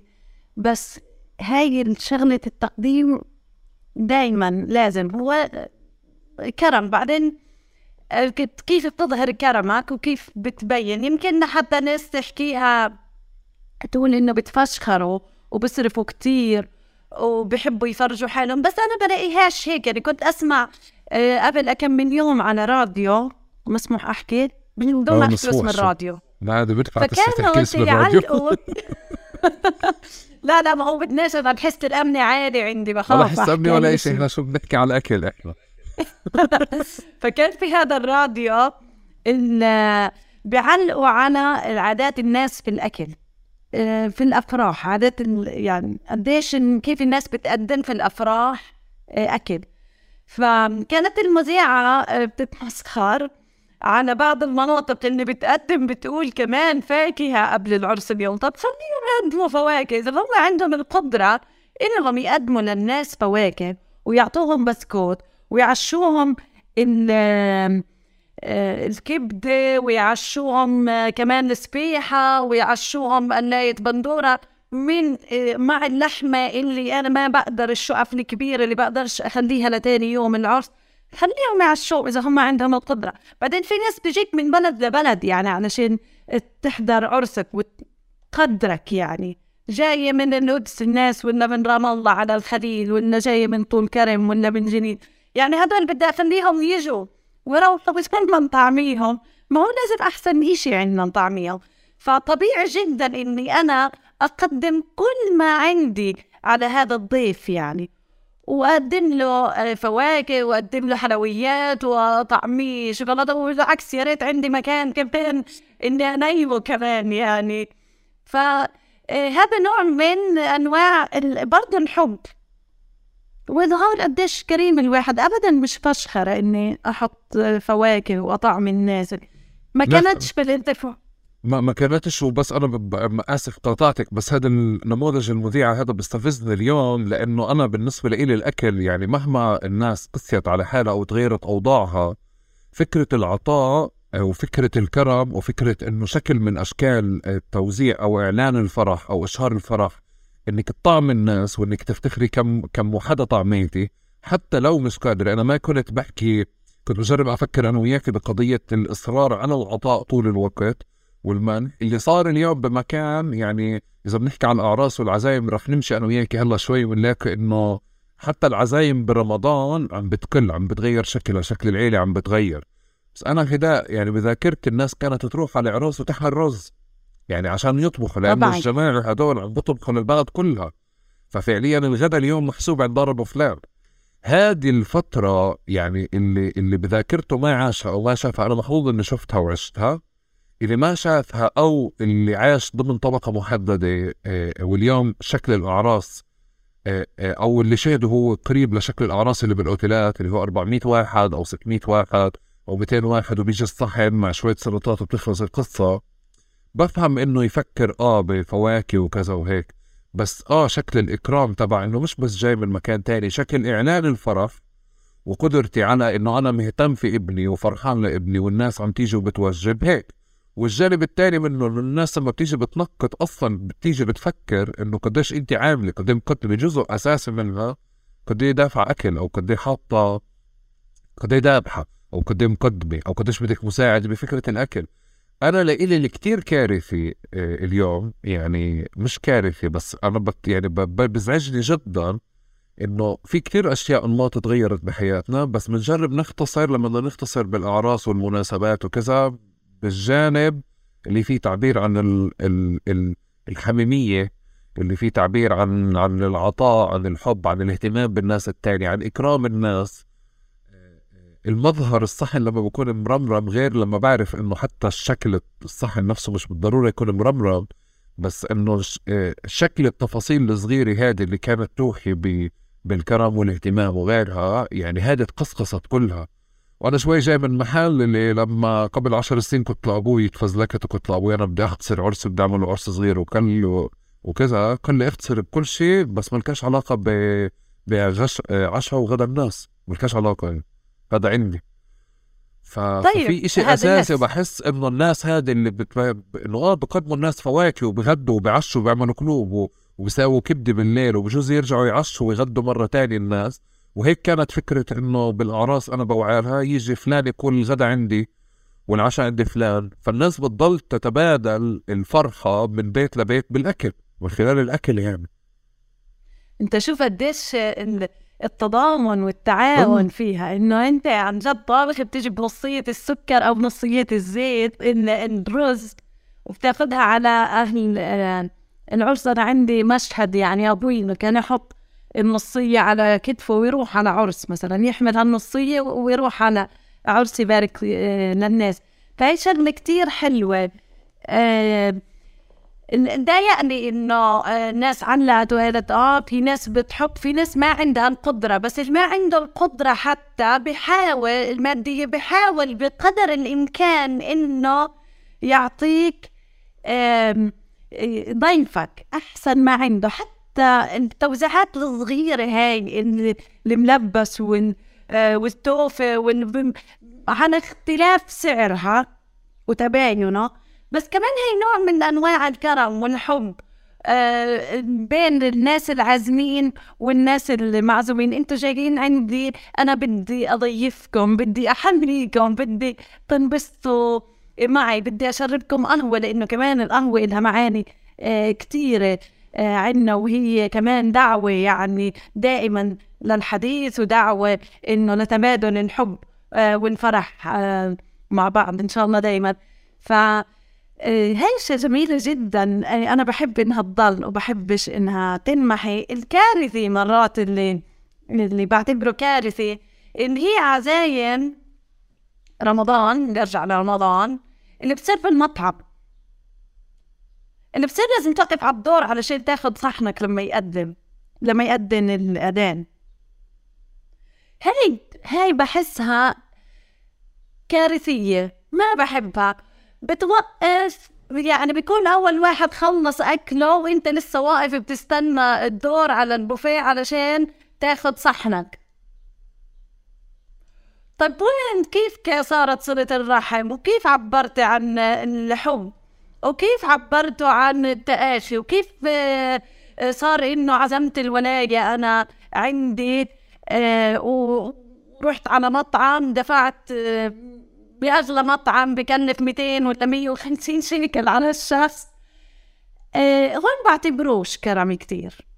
وبعتبروش إنه آه، تعبير عن حب. بعتبره إنه إسقاط واجب. وهاي ما بحبها كتير. ما بحب العزايم اللي هيك. بفهم شركة تعمل عزومة بهذا الشكل. بفهم ناس بدها تعزم ناس ما بتعرفهم يعني. وحتى حتى بهاي لا حتى بهاي مسحوب اسحبها التاني اسحبها التاني. لأنه الأصل في الأكل إنه إحنا نقعد مع بعض ونحكي وحلو كتير إن إحنا نحضر للناس اللي بنحبها آه، الأكل. قولي لي آه، أنا بوافق تماما. وشيء ثاني كمان اللي بيع اني عنده صاحب آه، يعني عنده صديق من أصحاب المطاعم بأي بلد بيعرف إنه برمضان بتاكلش في المطاعم. يعني والله جاد يعني اذا الكبب والأبصر إيش والكذا لما بعرف إنه شكل أصلا الأكل كيف بتقدم بالآخر يعني بوصلك بارد أو أنت أصلا لحد ما تاكل رح يكون بارد معمول بكميات يعني فيش يعني خا شيء ماك هيك آه، ميكانيكي بدنا نعبي البطن وهيك فكل الفكرة بتصير إنه المطعم الفلاني عامل الفطور ب 250 ولا 300 ولا 150 ولا يعني هيك. آه, آه بس على سيرة على سيره على السيرة نفسها على المطاعم وهيك آه آه أنا لما لما بلشت الغربة كانوا أهلي بلشوا يطلبوا أكل من مطعم مش مطعم آه آه كانت طالعة فكرة الزرب أكثر فهذا الزرب إشي خارجي الناس مش بتعمله في بيتها فبوصل من عند أكثر من الناس. بس مؤخرا بسمع كثير الناس حاضرة في بيوتها فكرة الأكل من برا. خبريني. احكي لي. أنا شو عم بصير في البلد؟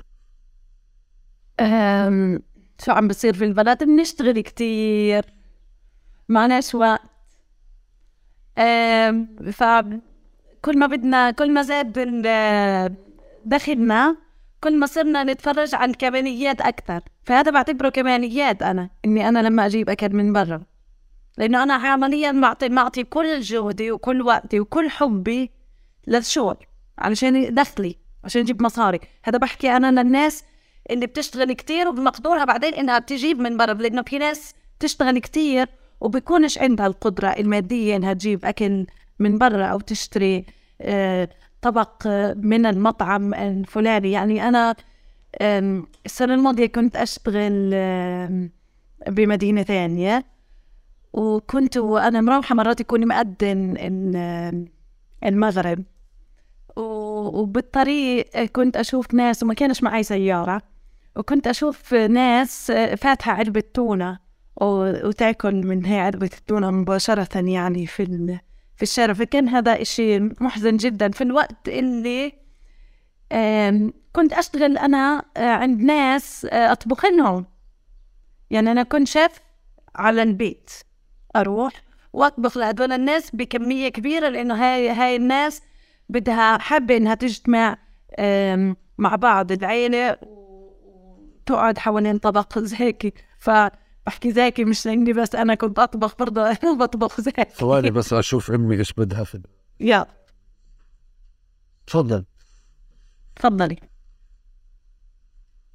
إن كانت بدها تسرق الشال من غير ما نشوفه وهو الغاب كنا ولا الشالات. شو بتفرضوا تحت الأكل أنتو؟ إحنا لفط اليوم آه، نايلون. زمان كان آه، زمان كانوا جرايد. آه. في مطعم فرد شان. شو فرد؟ شان؟ شان. واو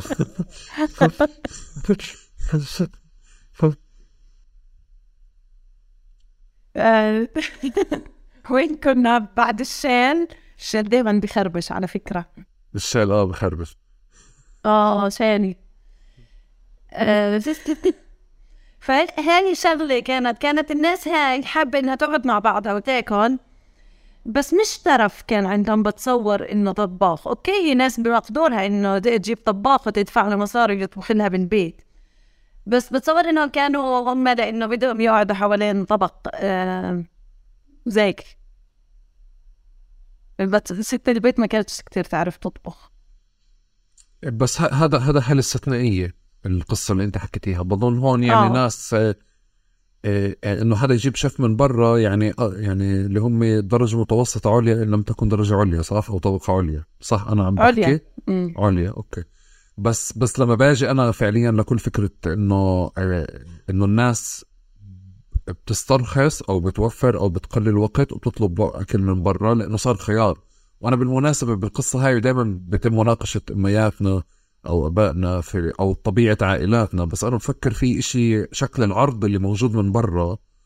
يعني كتير بغرقنا يعني إحنا اوفر هي- يعني من من غرقانين مطاعم هي برا ما هي ما بتسترخص اسفه قطعتك لا لا مش استرخاص القصد بالعادي بيتم مناقشة الأكل من برا. من من فكرة مثلا وقت أو جهد أو أشياء تتعلق فيي أو فيكي وإحنا قاعدين نطبخ في بيوتنا بطلنا نطبخ فشو الأسباب اللي خلتني أطلب من برا؟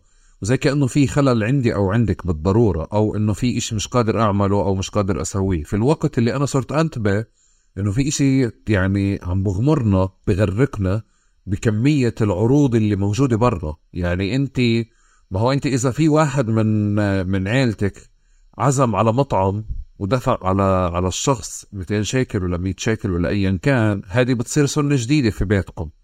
ففي إشي عم بكون داخل البيوت أنت ما بتتحكمي فيه يعني في المجتمعات مش عم تتحكمي فيه. إلا إذا كان في الحدا اللي قرر يخبط على الطاولة ويقول بديش أروح يعني وخلص. ما بدي أخضع لهذا الإشي وهو عيله. بس في إشي على مستوى المجتمعات بطبيعتها بأكلنا وشربنا بطبيعة العلاقة مع برا بتجاوز فكرة إنه أنا عم بجيب خروف بزرب برا لأنه مش عارف أعمله بالدار وبتجاوز فكرة إنه أنا أستعين ب- بحدا بيعمل الأكل هذا زاكي لأنه أنا ما بعرف أعمله في البيت. صار في أكتر اعتماد على إشي اللي مش طالع من خلال في البيوت. ويمكن في ده بتوافقيني إذا رجعت صار يعني ظرف ما صعب على الناس رح ترجع مرة تاني تطبخ في بيوتها. وتتسكر هذه المطاعم زي ما صار في الانتفاضة يعني. مش شيء بعيد. آه، صحيح. إحنا يعني بدنا بدناش نقطع رزق حدا والمطاعم تضل مفتوحة والناس تروح عليها لأنه في شركات كمان بتعمل. مش معقول صاحب بنك يعني كبير يفتح داره لكل موظفين البنك وي- ويعزمهم في داره عشان يظهر لهم حبه آه، للموظفين. لا أنا بحكي على الأشياء العالية بس في عوامل خارجية اللي هي ال- العامل النفسي اللي بيلعبه كمان أصحاب المطاعم وخليني أقول أصحاب المطاعم كمان اللي هي العالمية أو الناس اللي ماسكة وكالات مطاعم. عن هون بتكون عندك الدعاية كتير كبير لدرجة إنك بت- يعني أنت تشتهي إنك تاكل برا بالرغم من إنه أو تطلب من برا. بيكون غالي بيكون أغلى بيكون الش... الإشي اللي أنت آه بدك إياه آه يمكن هو علشان إحنا بنلحق برضه كمان الترندز يعني هو هيك الناس بتشتري من برا فأنا بدي أشتري آه، من برا. أكل. هم جيراننا راحوا استنوا قدام المطعم الفلاني آه، ساعة على لبين ما وصلهم الفطور كمان إحنا ما عندناش مشكلة بس علشان بدي أموت من الجوع أنا بس علشان هو ترند إني أروح آكل في في المطعم الفلاني وأستنى ساعة وآكل على الشارع وهي يعني زي بتفطر تفطر بتصوم بتصوم تفطر على بصلة بالن- برأيي يعني هذا ال- الحكي. كمان نفس العامل الاقتصادي بيلعب دور مع إنه كمان في ناس معهاش مصاري كتير وبرضه تلجأ للطلب آه، من برا وهي ناس شاطرة في الأكل وبتحب تطبخ وبتحب تعمل أكل بس لأنه آم، الباقي بيطلبوا. الباقي بيجيبوه من برا. بس هاي شغلة كمان مش أول آه أيام في رمضان بتكون إذا بدنا نحكي عن رمضان. بتصير بعد 15 رمضان. أول أيام أول أسبوعين في رمضان بيكونوا أسابيع إن الواحد بده يطبخ طبخات بده ياكل آه بده يعمل اليوم مقلوبة واليوم التاني بده يعمل قدرة بس القدرة مع إنه هي بنطلبها من برا لأنه مش كتير الناس تطبخها في بيوتها. بدنا نعمل ورق دوالي وبدنا نعمل دجاج محشي. فهي كلها أشياء آه بتكون أول أسبوعين في رمضان تاني أسبوعين الناس تزهق من الطبخ تقول لك زهقت من الطبيخ خلص بدي آكل آه أروح آكل سندويشة شاورما أو بدي أروح آكل آه آه بيتزا في المطعم الفلاني. وآخر أسبوع أو آخر عشر أيام. ما هي الناس بتصير تحضر للعيد. ببطل معها وقت إنها تطبخ. وبصير بدهاش تطبخ. فهم بيكونوا بالسوق. ستات ورجال بيكونوا بالسوق. فبتلاقي إنه فطورهم بيكون بالسوق. لأنه هم ما بيقدروا إنه يرجعوا على الدار ويحضروا. وهم مشغولين. بدهم يحضروا للكعك وبدهم يشتروا واعك وبدهم ينظفوا الدار. في هيك تقسيمات هو مش كله سلبي بصراحة يعني. بداية إنك أنت تشتري من برا. بس آه، في أسباب يعني بدنا نعذر الناس. إحنا مش جايين نلوم الناس إحنا ب... تفتحي ليش باب تأكيد على حسن نوايا ومجاملات هلا. بعدين بصير كل نقطة بدي أحكيها بدنا نأكد أنا مش قصدي وكذا وكذا لا. خلينا عم نتقارب زي ما أنت حكيتي. إحنا مش بنتقاتل مع حدا إحنا قاعدين نوصف حال. أنا لإلي يعني بس عشان آه، آه، اعفي نفسي لأنه هلأ تفضلي فتحتي باب أنت تاكيد بس أنا حدا فعليا مثلا لا موجود لا أنا فهمتك لا بس بقصد لأنه هو إذا فتحت مرة تأكيد على لازم نأكد. أنا حدا معتمد كثير على أكل من برا. حتى فعليا يعني شكل طبعا أنا عايش برا معتمد كثير على أكل برا وبالنسبة لي عايش في بلد فيها أكل زاكي والأكل برا ارخص والاكل التوصيل بكون بظرف ثلث ساعه بكون الأكل موجود. و... وإذا بدي أعزم حتى مثلا ممكن بحب أعمل وأطبخ وأهتم في البيت وهيك بس كمان في مستوى ما من العزايم اللي بتحتاج فرن كبير بنعملها بمطاعم. يعني اللي هو آه، بده الواحد يعمل نص خروف ولا ربع خروف ولا قطعة كبيرة ولا رز ولا بده يحشي ورق عنب مع ابصر إيش هاي الأشياء البدعة يعني. طب بنعملها كلها برا. فأنا هناك بس أنا عم بحاول أفهم هذا شو بصير معي. شو بصير مع أهلي؟ شو بصير مع فداء؟ يعني هيك. فتحت علي باب التاكيد حسن النوايا شوف هو بصير كل شيء. أنا معي بصير كل شيء. أنا بنعزم على المطعم اللي بدك توقف بالدور علشان تاكل آه، في عن إفطار. بس هي عن جد بحبهاش. آخر مرة تقول لا أنا مش هعمل لأنه هون رمضان بفقد معنى وصار معي السنة الماضية إني كنت أروح أنا دايما بعد الإفطار. يعني ما ألحق بتكون بالطريق. فكنت أشوف كنت أروح يكون خلص الناس أصلا مفطروا مخلصة وأشوف هدول الناس اللي بيفتح علبة التونة. حتى بأوائل الشهر. أو بياكل إشي بسيط قاعد على الشارع. وبعدين تشوف الناس اللي واقفة بطابور على المحل المشهور اللي ببيع دجاج مقلي مثلا أو محل البيتزا كمان المشهور اللي ببيع بيتزا مع دجاج هلا هاي اسمي هاي هاي هذا هذا chapter جديد هذا في الحلقة. يعني إنه كلكم بتطلع تأكل برا كل اللي بدك إياه معلم بس بدك تأكل بروستد ليش يا الله؟ يعني ليه حدا ممكن يأكل على بروستد وتومي يعني وتومية وبيبسي؟ شو هذا يعني؟ جد والله كيف يعني؟ بالضبط يعني الجهاز الهضمي ما بيشتغل يعني ما بقعد. كل فكرة صبرك طول اليوم أو صيامك على لا صعبة يعني. بس هاي في إشي بتعلق بشغلة تاني يعني أنا برأيي بكل يعني KFC و هلا عم نذكر أسماء المطاعم آه بدنا نأكد حسن بس نوعية المطاعم تبعت KFC Pizza Hut McDonald's وغيرها إن الإفطارات اللي ممكن تكون فيها ما بعرف فيها أشياء بتتجاوز آه يعني خاصة في البلاد اللي فيها أكل طبيخ أو فيها ولائم أو فيها بوفيات مفتوحة. اللي كتير قهوة نوقف على الدور ولا ولا إنه تفطر على بروستد وهيك. بس معلش رجعيني مع فداء مرة تانية لقضية التنويع اللي أنت حكيتيه بأول حلقة إنه إحنا بنحب التنويع وبرمضان هو شهر التنويع. آه آه وقلت في بداية رمضان ما بكون المائدة مفتوحة من برا بس أنا بفكر من البداية بتكون مفتوحة لأجل التنويع. يعني قدرة الناس اليوم على إنه تعمل كم من الاصناف والتنويعات والألوان اللي موجودة في بداية رمضان بطلت موجودة. فأنت زمان أنا وأنت كنا نجيب صحن الحمص والفلافل والمخللات اليوم نجيب أصناف تانية كبب مثلا أو أنواع من الكبب. صحيح. صار في مدخل إن الانفتاح على العالم وسهولة التواصل والإتصال وسهولة حتى توصيل الأشياء الخارجية أثرت كمان على مواعيدنا. يعني زمان زمان كنا نعمل السمبوسك إمي تعجن صح؟ وتقطع العجين وتحضر الحشوة وترق العجين. وكان هالسمبوسك هو اللحمة والبصل شوية والحمص اللي كانت تحطهم وخضرة شو ونقلي. بس بعدين صرنا نتفرج على التلفزيون صار المحطات العالمية. المحطات هاي فرجتنا إن دول الخليج بسموها سمبوسة صح. صرنا نعمل هاي المثلثات وصارت تجينا من برا كمان العجينة ونشتريها جاهزة ونحطها هاي على موائدنا فشوف هذا واحد من الاختلافات اللي اللي صارت في الموائد. صار إشي أساسي يعني بعدين في الموائد الرمضانية اللي وأنا صغيره صغيرة ما كانتش موجودة. بس هلأ أولاد أخوي الصغار هم تربوا مع هاي الأشياء الموجودة. يعني هم كمان بعد عشرين سنة أو عشر سنين إذا بدك تعمل مقابلة مع حدا من أولاد إخوتي رح يحكي لك عن مثلث السمبوسك اللي بياكله على مائدة آه، رمضان. دخلت أشياء كتير جديدة على آه، موائدنا الكبب كمان كانت ما كانتش هاي بذاكرتي وأنا صغيرة يعني أمي ولا عمرها عملت كبة ولا عمرها بحياتها شفتها عملت كبة في رمضان. بينما مرت خالي كانت تعمل دخلت كل هاي الأشياء دخلت وغيرت في في موائدنا بس في إشي كان وما زال على موائدنا العصير.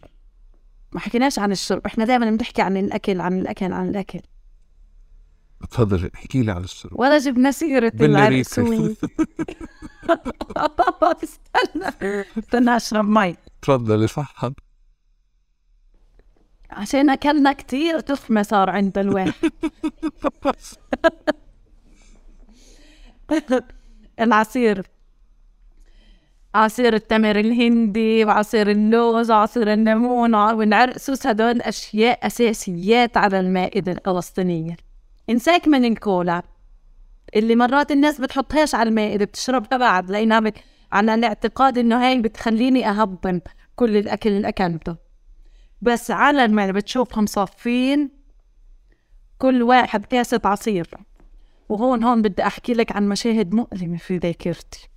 مش أحكي عن أشياء مؤلمة هدول كاسات البلاستيك اللي الواحد حتى بيقدرش إنه يعني التدوير هتخيل. في الدول اللي أنت بتعمل إعادة تدوير للبلاستيك هاي الكاسات تنحطش مع البلاستيك لأنه لا يعاد تدوير هاي الاستخدام مرة واحدة بتشوف كل واحد عيلة من 12 ما إحنا كتار ما إحنا عائلات كبيرة. بتشوف كاسة عصير التمر وكاسة عصير اللوز. وكاسة عصير الليمون وكاسة المي كل واحد يعني أربعة تقريبا. وإذا عيلة مكونة من 12 شخص 12 ضرب أربعة. قديش 12 ضرب أربعة؟ 48 اختبار رياضيات. 48 كاس ونص يعني الدزير اللي هي بيها 100 100 كاسة. أنت هذا حط حكينا عن 12 شخص إحنا يمكن أكثر. بس شوف إذا كل حدا عبى أربع كاسات قديش أنت بالشهر بدك تستهلك من هاي الكاسات البلاستيك؟ هذه كاسات لأنه كمان الناس تعبانة بدهاش تجلي. هاي هاي بعرفش إذا أنت الناس تعبانة بدهاش تجلي ولا الناس ابصر إيش بصير معها.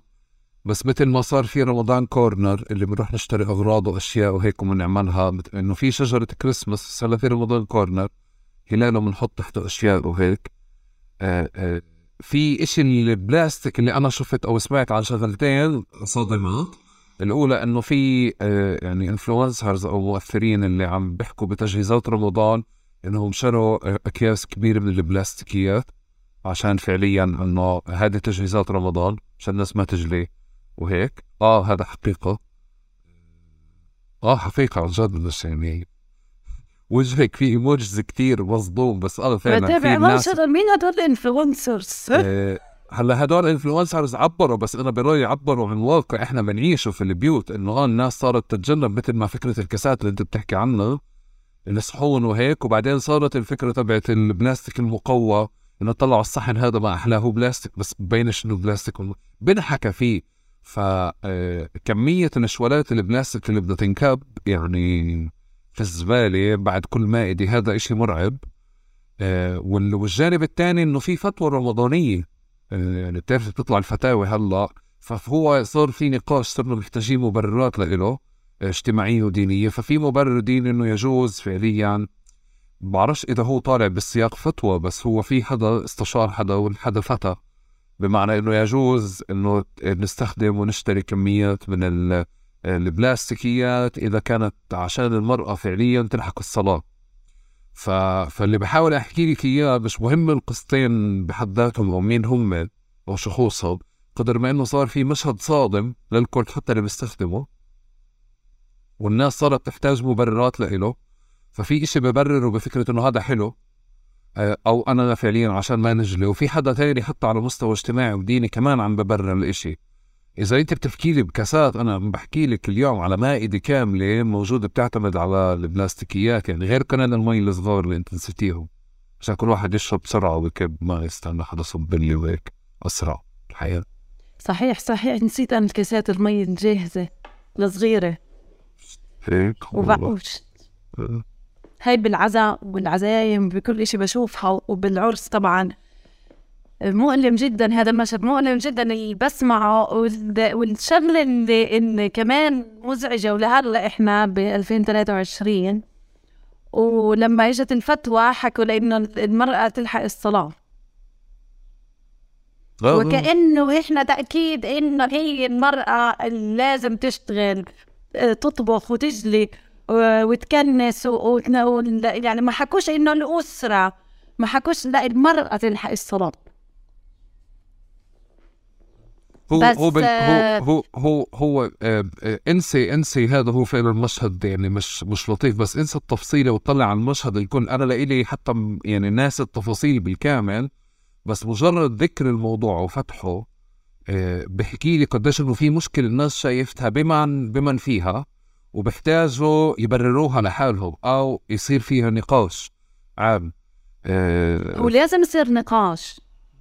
بس لازم يصير نقاش للأحسن يعني مش لا أبرر إنكار. أبرر لا، أنا. استنكار. لا لازم هو يصير في نقاش توعوي. قديش أخطار هاي البلاستيك هذا البلاستيك على البيئة؟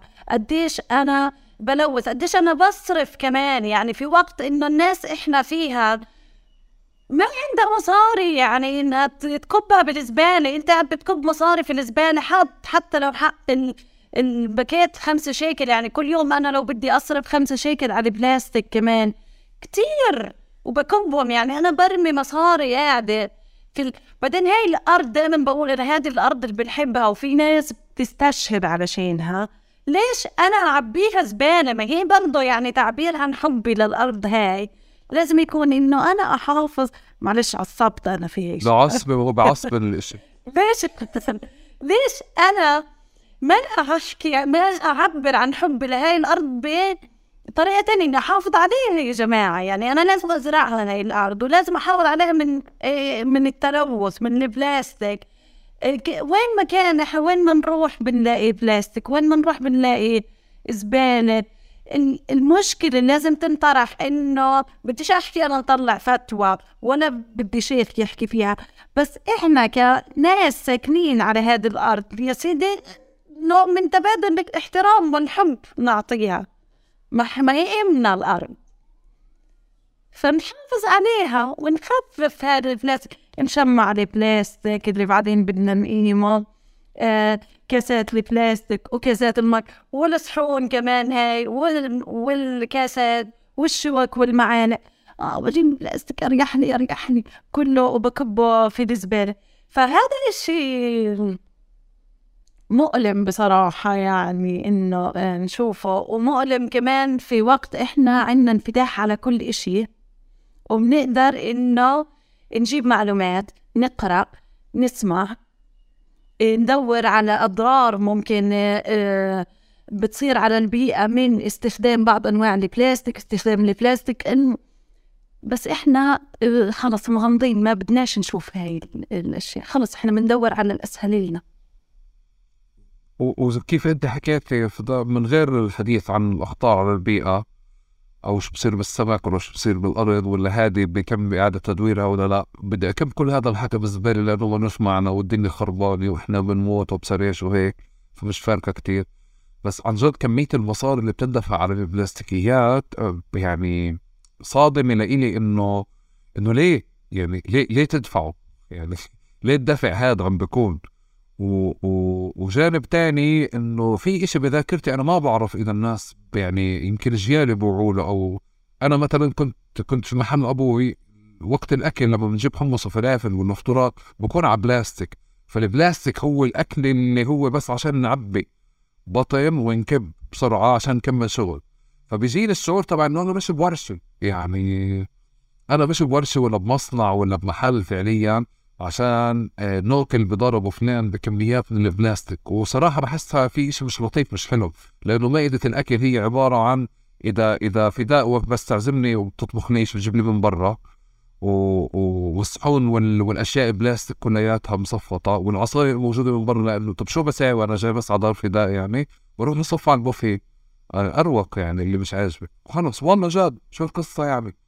يعني صرت عزمتك بس هيك اسقاط واجب عشان. أقول يعني صرت عزمتك عشان أقول هيدا عزمته. ما هيك بس كمان أنا صار. بحبش أروح. أنا بحبش أروح عند ناس وصار آه، بتحط لي بكاسه بلاستيك أو بصحن بلاستيك أو بتعطيني شوكة أو معلقة بلاستيك لأنه آه، صعب بالنسبة لي. بحسه إنه تقليل تقدير مش مش مش لشخصي أنا قلة يعني. قلة قيمة. قلة آه. للي بس كمان يعني. لهذا الأكل يعني أنا عامل اوزي مثلا ولا عاملة مقلوبة ولا عاملة إشي كتير زاكي. وت- ولا شاوية لحمة ولا قاعدة بعمل ضاوية كانون وبشوي مشاوي. وبالآخر أحطها بصحن البلاستيك وشوكة البلاستيك اللي أنا أصلا بعرفش أحط آكل فيها شقفة اللحمة.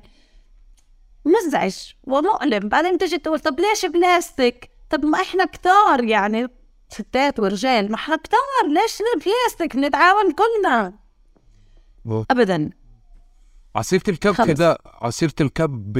ب... عملت كمان حلقة مع نجلاء عبد اللطيف آه... عندها آه، على كل فكرة ال- الهدر بشكل عام والاستخدام بشكل عام بس آه، لما بجانب هدر الطعام أعطتني نسب مرعبة على كم الأكل اللي بنكب يعني من نسب عالية ولقيني شوي غريب. يعني بتعرفي كان غريب اللي باكلش أكل بايت هذا بالدار أو بالمنطقة. اليوم هذه بناكلش أكل بايت. يعني الأجيال الجديدة اللي بنستقبلها إحنا بتاكلش أكل بايت. بتفضلش تاكل أكل بايت okay. إيه، بتفضلش تاكل في البيت بتفضل تاكل برا كمان تمام. فكمان خيار موجود. بس هذه فكرة إنه ال... ال... كل فكرة الكرم وكل فكرة اللي أنا وياك بنحكي عنه. لما بتخيل نهايته مش عم باكله أو مش عم بفكر بإعادة تدويره بطبخة جديدة تاني يوم يعني مصير الكب هذا أو الكم الاكل اللي عم بنكب واللي أنا عشان أعمل تنويع وعشان أكرمك وعشان نتصور على الإنستغرام نظبط الموضوع كم الاكل اللي بنكب عم بكون صادم. صادم حرفيا. وأنا ما بعرف ليه بوعي صرت أشوف صور على الإنستغرام لموائد كبيرة ما بحكي إنه هاي المائدة بالآخر توزعت على ثلاث أربع بيوت لتاني يوم أو إنه تاني يوم رجعوا تجمعوا الجماعة وأكلوها. لا انكبها يعني لأنه عن جد عم بنكب الأكل. فصرت هيك من مؤخرا أشوف. عم بنكب أكل كتير؟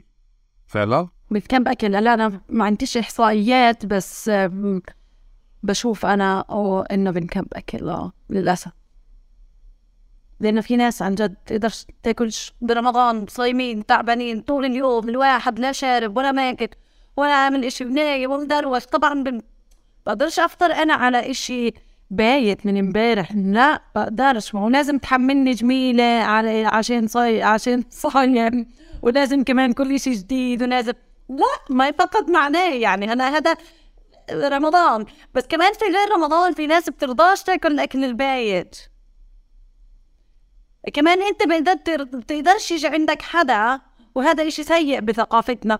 وتقول له عندي من امبارح okay بدي أطبخ كمان طبخه بس عندي من امبارح شغلة آه زاكية آه بدي اطعميك إياها. صعب تحكيها لأنه بايت إشي بايت من امبارح لازم تبرر. صح؟ بس احكي لي هلا هلا أنت بوعيك دائما كان الأكل ينكب؟ أنا بوعي الاكل بنكب بالافراح كمان. بالافراح للأسف بالفرح كمان. الاكل بنكب و... و... يعني والنسب دائما كمان الناس كانت كأنها عالية. بتستحي إنها تخلص كل كل صحنها. مش عارفة بس بنكمل. آخر الفرح رحتون كان بكتير في أكل. يا الله شو كان مزعج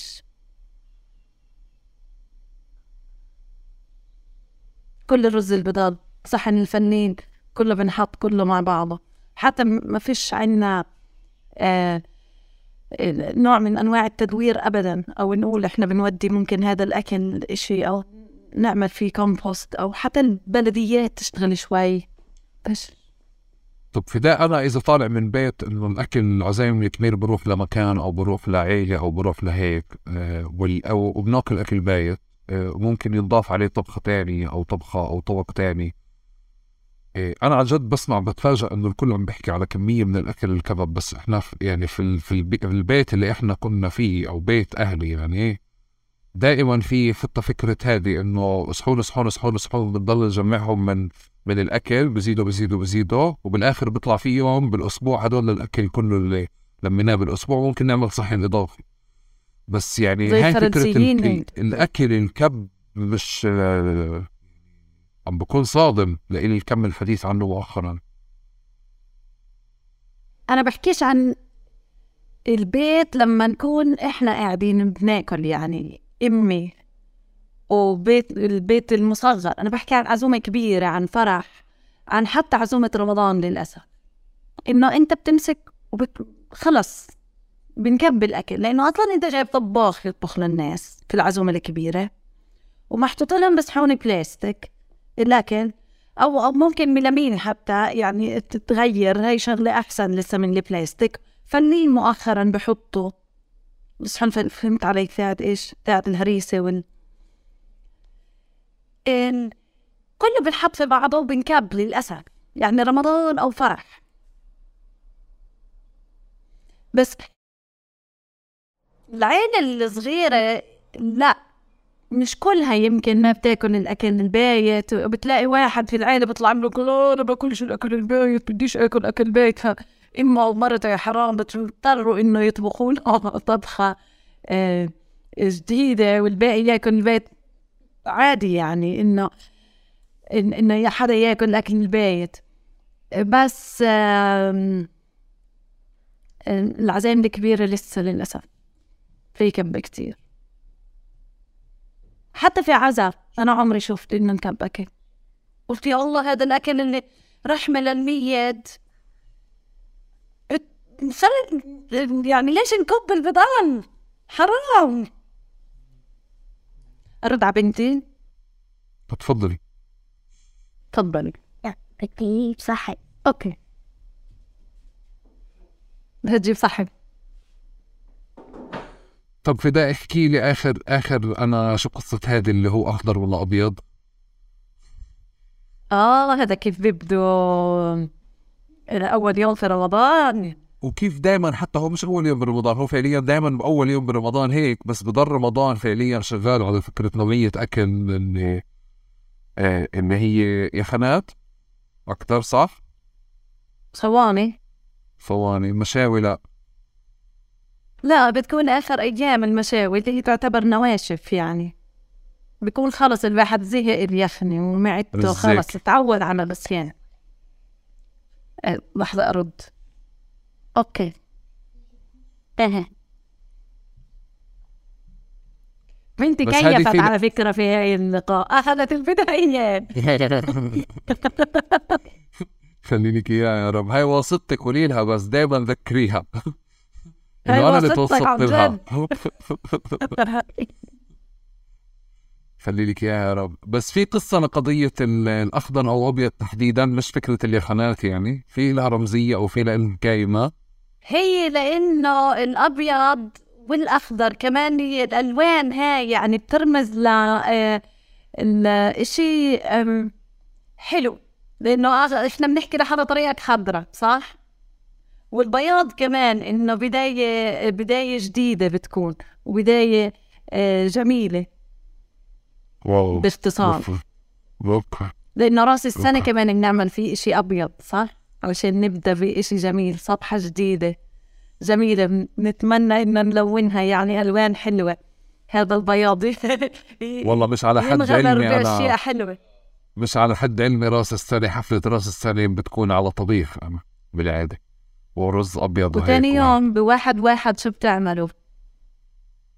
يعني بعرفش بدي اسال امي ما اظنش الصراحه بيعملوا شيء بجوز رز حليب. أو مهلبية ما بتعملوا رز. الحليب أو مهلب لا ما؟ ما اظن لا ورز بحليب لا لا. ابيض بجرب أشوف امي بس ترجع تاخذ شانها أو ترجع شانها فداء أنا بنهي المقابلة بالعادة بسؤال عن المقلوبة عشان أنا بحب المقلوبة. فاحكي لي سر عن المقلوبة الفلسطينية. آه، آه، سر فداء أبو حمدية بتحكيه تفضلي. بتحب المقلوبة ببتنجان ولا بتحب المقلوبة بزهر؟ باذنجان بتنجان أكتر يبقى لحمة لازم. والله كمان كملي لي أسرار. ثلاث أسرار المقلوبة خاصة. ببتنجان شوف المقلوبة ببتنجان لازم تكون بلحمة. وبعدين أوكي. لازم البتنجان ما يكونش مقطع رفيع نقلي ولازم يكون مقلي. بس لازم البتنجان تكون مقطعة خميلة هيك. واضح؟ واضح. وت- ونقليها. ونحاول إنه نصفي الزيت منها. وبعدين بنحط اللحمة البتنجان والرز. كركم لازم كركم إحنا أنا في الخليج. مقلوبة لازم تكون لونها أصفر. طيب؟ والبتنجان بحب جوزة الطين. ليش كبهار. بتحطه على البتنجان وتحط على الرز والبتنجان واللحمة اللي هي مرقة اللحمة. واستنى لوين ما يستوي الرز واقلبها. وشم الريحة وذوق الطعم بعدين. ماشي. ماشي. بس أهم شيء أهم شيء تقطيع البتنجان ما يكونش رفيع. صح صح صح. صح عشان يضل على بركته كل سنه وأنت لا سالمه مش عشان يضل على بركته عشان الطعم بيكون أزكى عشان هيك الرز هيك اللي بيجي عليه بلزق فيه هيك وبتداخل جواه هذا بكون قصة آه هيك بتكون تقسم إشي طري يعني مع آه. الرز فأنت بتعمل آه، حركة لذيذة مش بس طعم. كمان الإشي اللي بتشعره بال... وإنت تاكل بيكون مختلف. تمام. هذه مقابلة مختلفة ونهاية مختلفة. وتسجيل تسجيل الحلقة بظن بآخر يوم قبل رمضان يعني كل سنة وإنت سالم غير صحي بس تمام. okay. كل عام وإنت بألف خير. إذا بدك تحكي شي بترك لك المايك. إيه، تفضلي تركت لك المايك. إذا بدك تحكي شي تقدر وإنت ما كل كل سنة وأنت سالم خلي لي إن إياك شاء الله وأنت تكون سالم يا رب. تعلمت بعض الكلمات الخليلية وأنا بحكي. فهمت علي؟ أنا بدي آه، أسألك بس فهمت علي؟ كل شي حكيته. على فكرة أنت يعني تغير تغيرت لهجتك ب 300 مرة بالحلقة ما حكيتيش يعني لهجة آه، فلانية بالكامل. يعني عندي معلمي ف... مش قاعدة قدام حدا خليلي. آه لازم حطيت حدا أنا فعليا بالزوم يسمع فعليا يكون خليلي موجود. لازم آه،. لازم تحطني في لازم تحطني بمكان في ناس خليل كتير تحكي لأن إحنا دائما بنفكر إن الناس تفهمش علينا كل إشي. لو صار عندي فضول أنا هلأ ريما تمام بتخيل وهي على التلفزيون بالتقارير إنه هيك هي فعليا قديش ماسكة حالها ما تحكيش يعني بلهجتها ولا لهجتها تغيرت في أمريكا ولا إنه شو بس بظن إنه هي بمكان تاني يعني باللهجة. هي تغيرت آه اللهجة شوي لأنه هي اختلطت. بعرب تانيين. للأسف. فبتاخد من هون ومن هون. للأسف. آه، رجعتكم أنا- إياها لفترة. آه آه أنا ضليت ضلت أنا اختلطت عشت برا بس كان اختلاطي كله في الطليان يعني ما ما اختلفش ما اختلفتش أصعب. اللهجة هم أصعب. آه. فضلت اللهجة الخليلية وضلت بعض الكلمات. اللي مرات بتحس إنه الناس تفهمش عليك فيه في اللي بتحكيه. شكرا جزيلا فداء كل سنة وأنت سالم بدي أكسبك على الإفطار. على على بعد الإفطار. على مكروبه بجوزة الطيب حبيتها.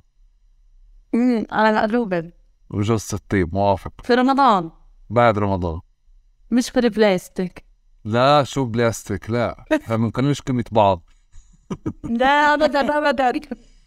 يلا يعطيك ألف عافية وشكرا جزيلا لك كل سنة وأنت سالمة ممنون لك على هذا اللقاء. يعطيك العافية. يسمك عافية وشكرا كثير لك. شكرا جزيلا لكم يعطيكم ألف عافية كل سنة وأنتم سالمين.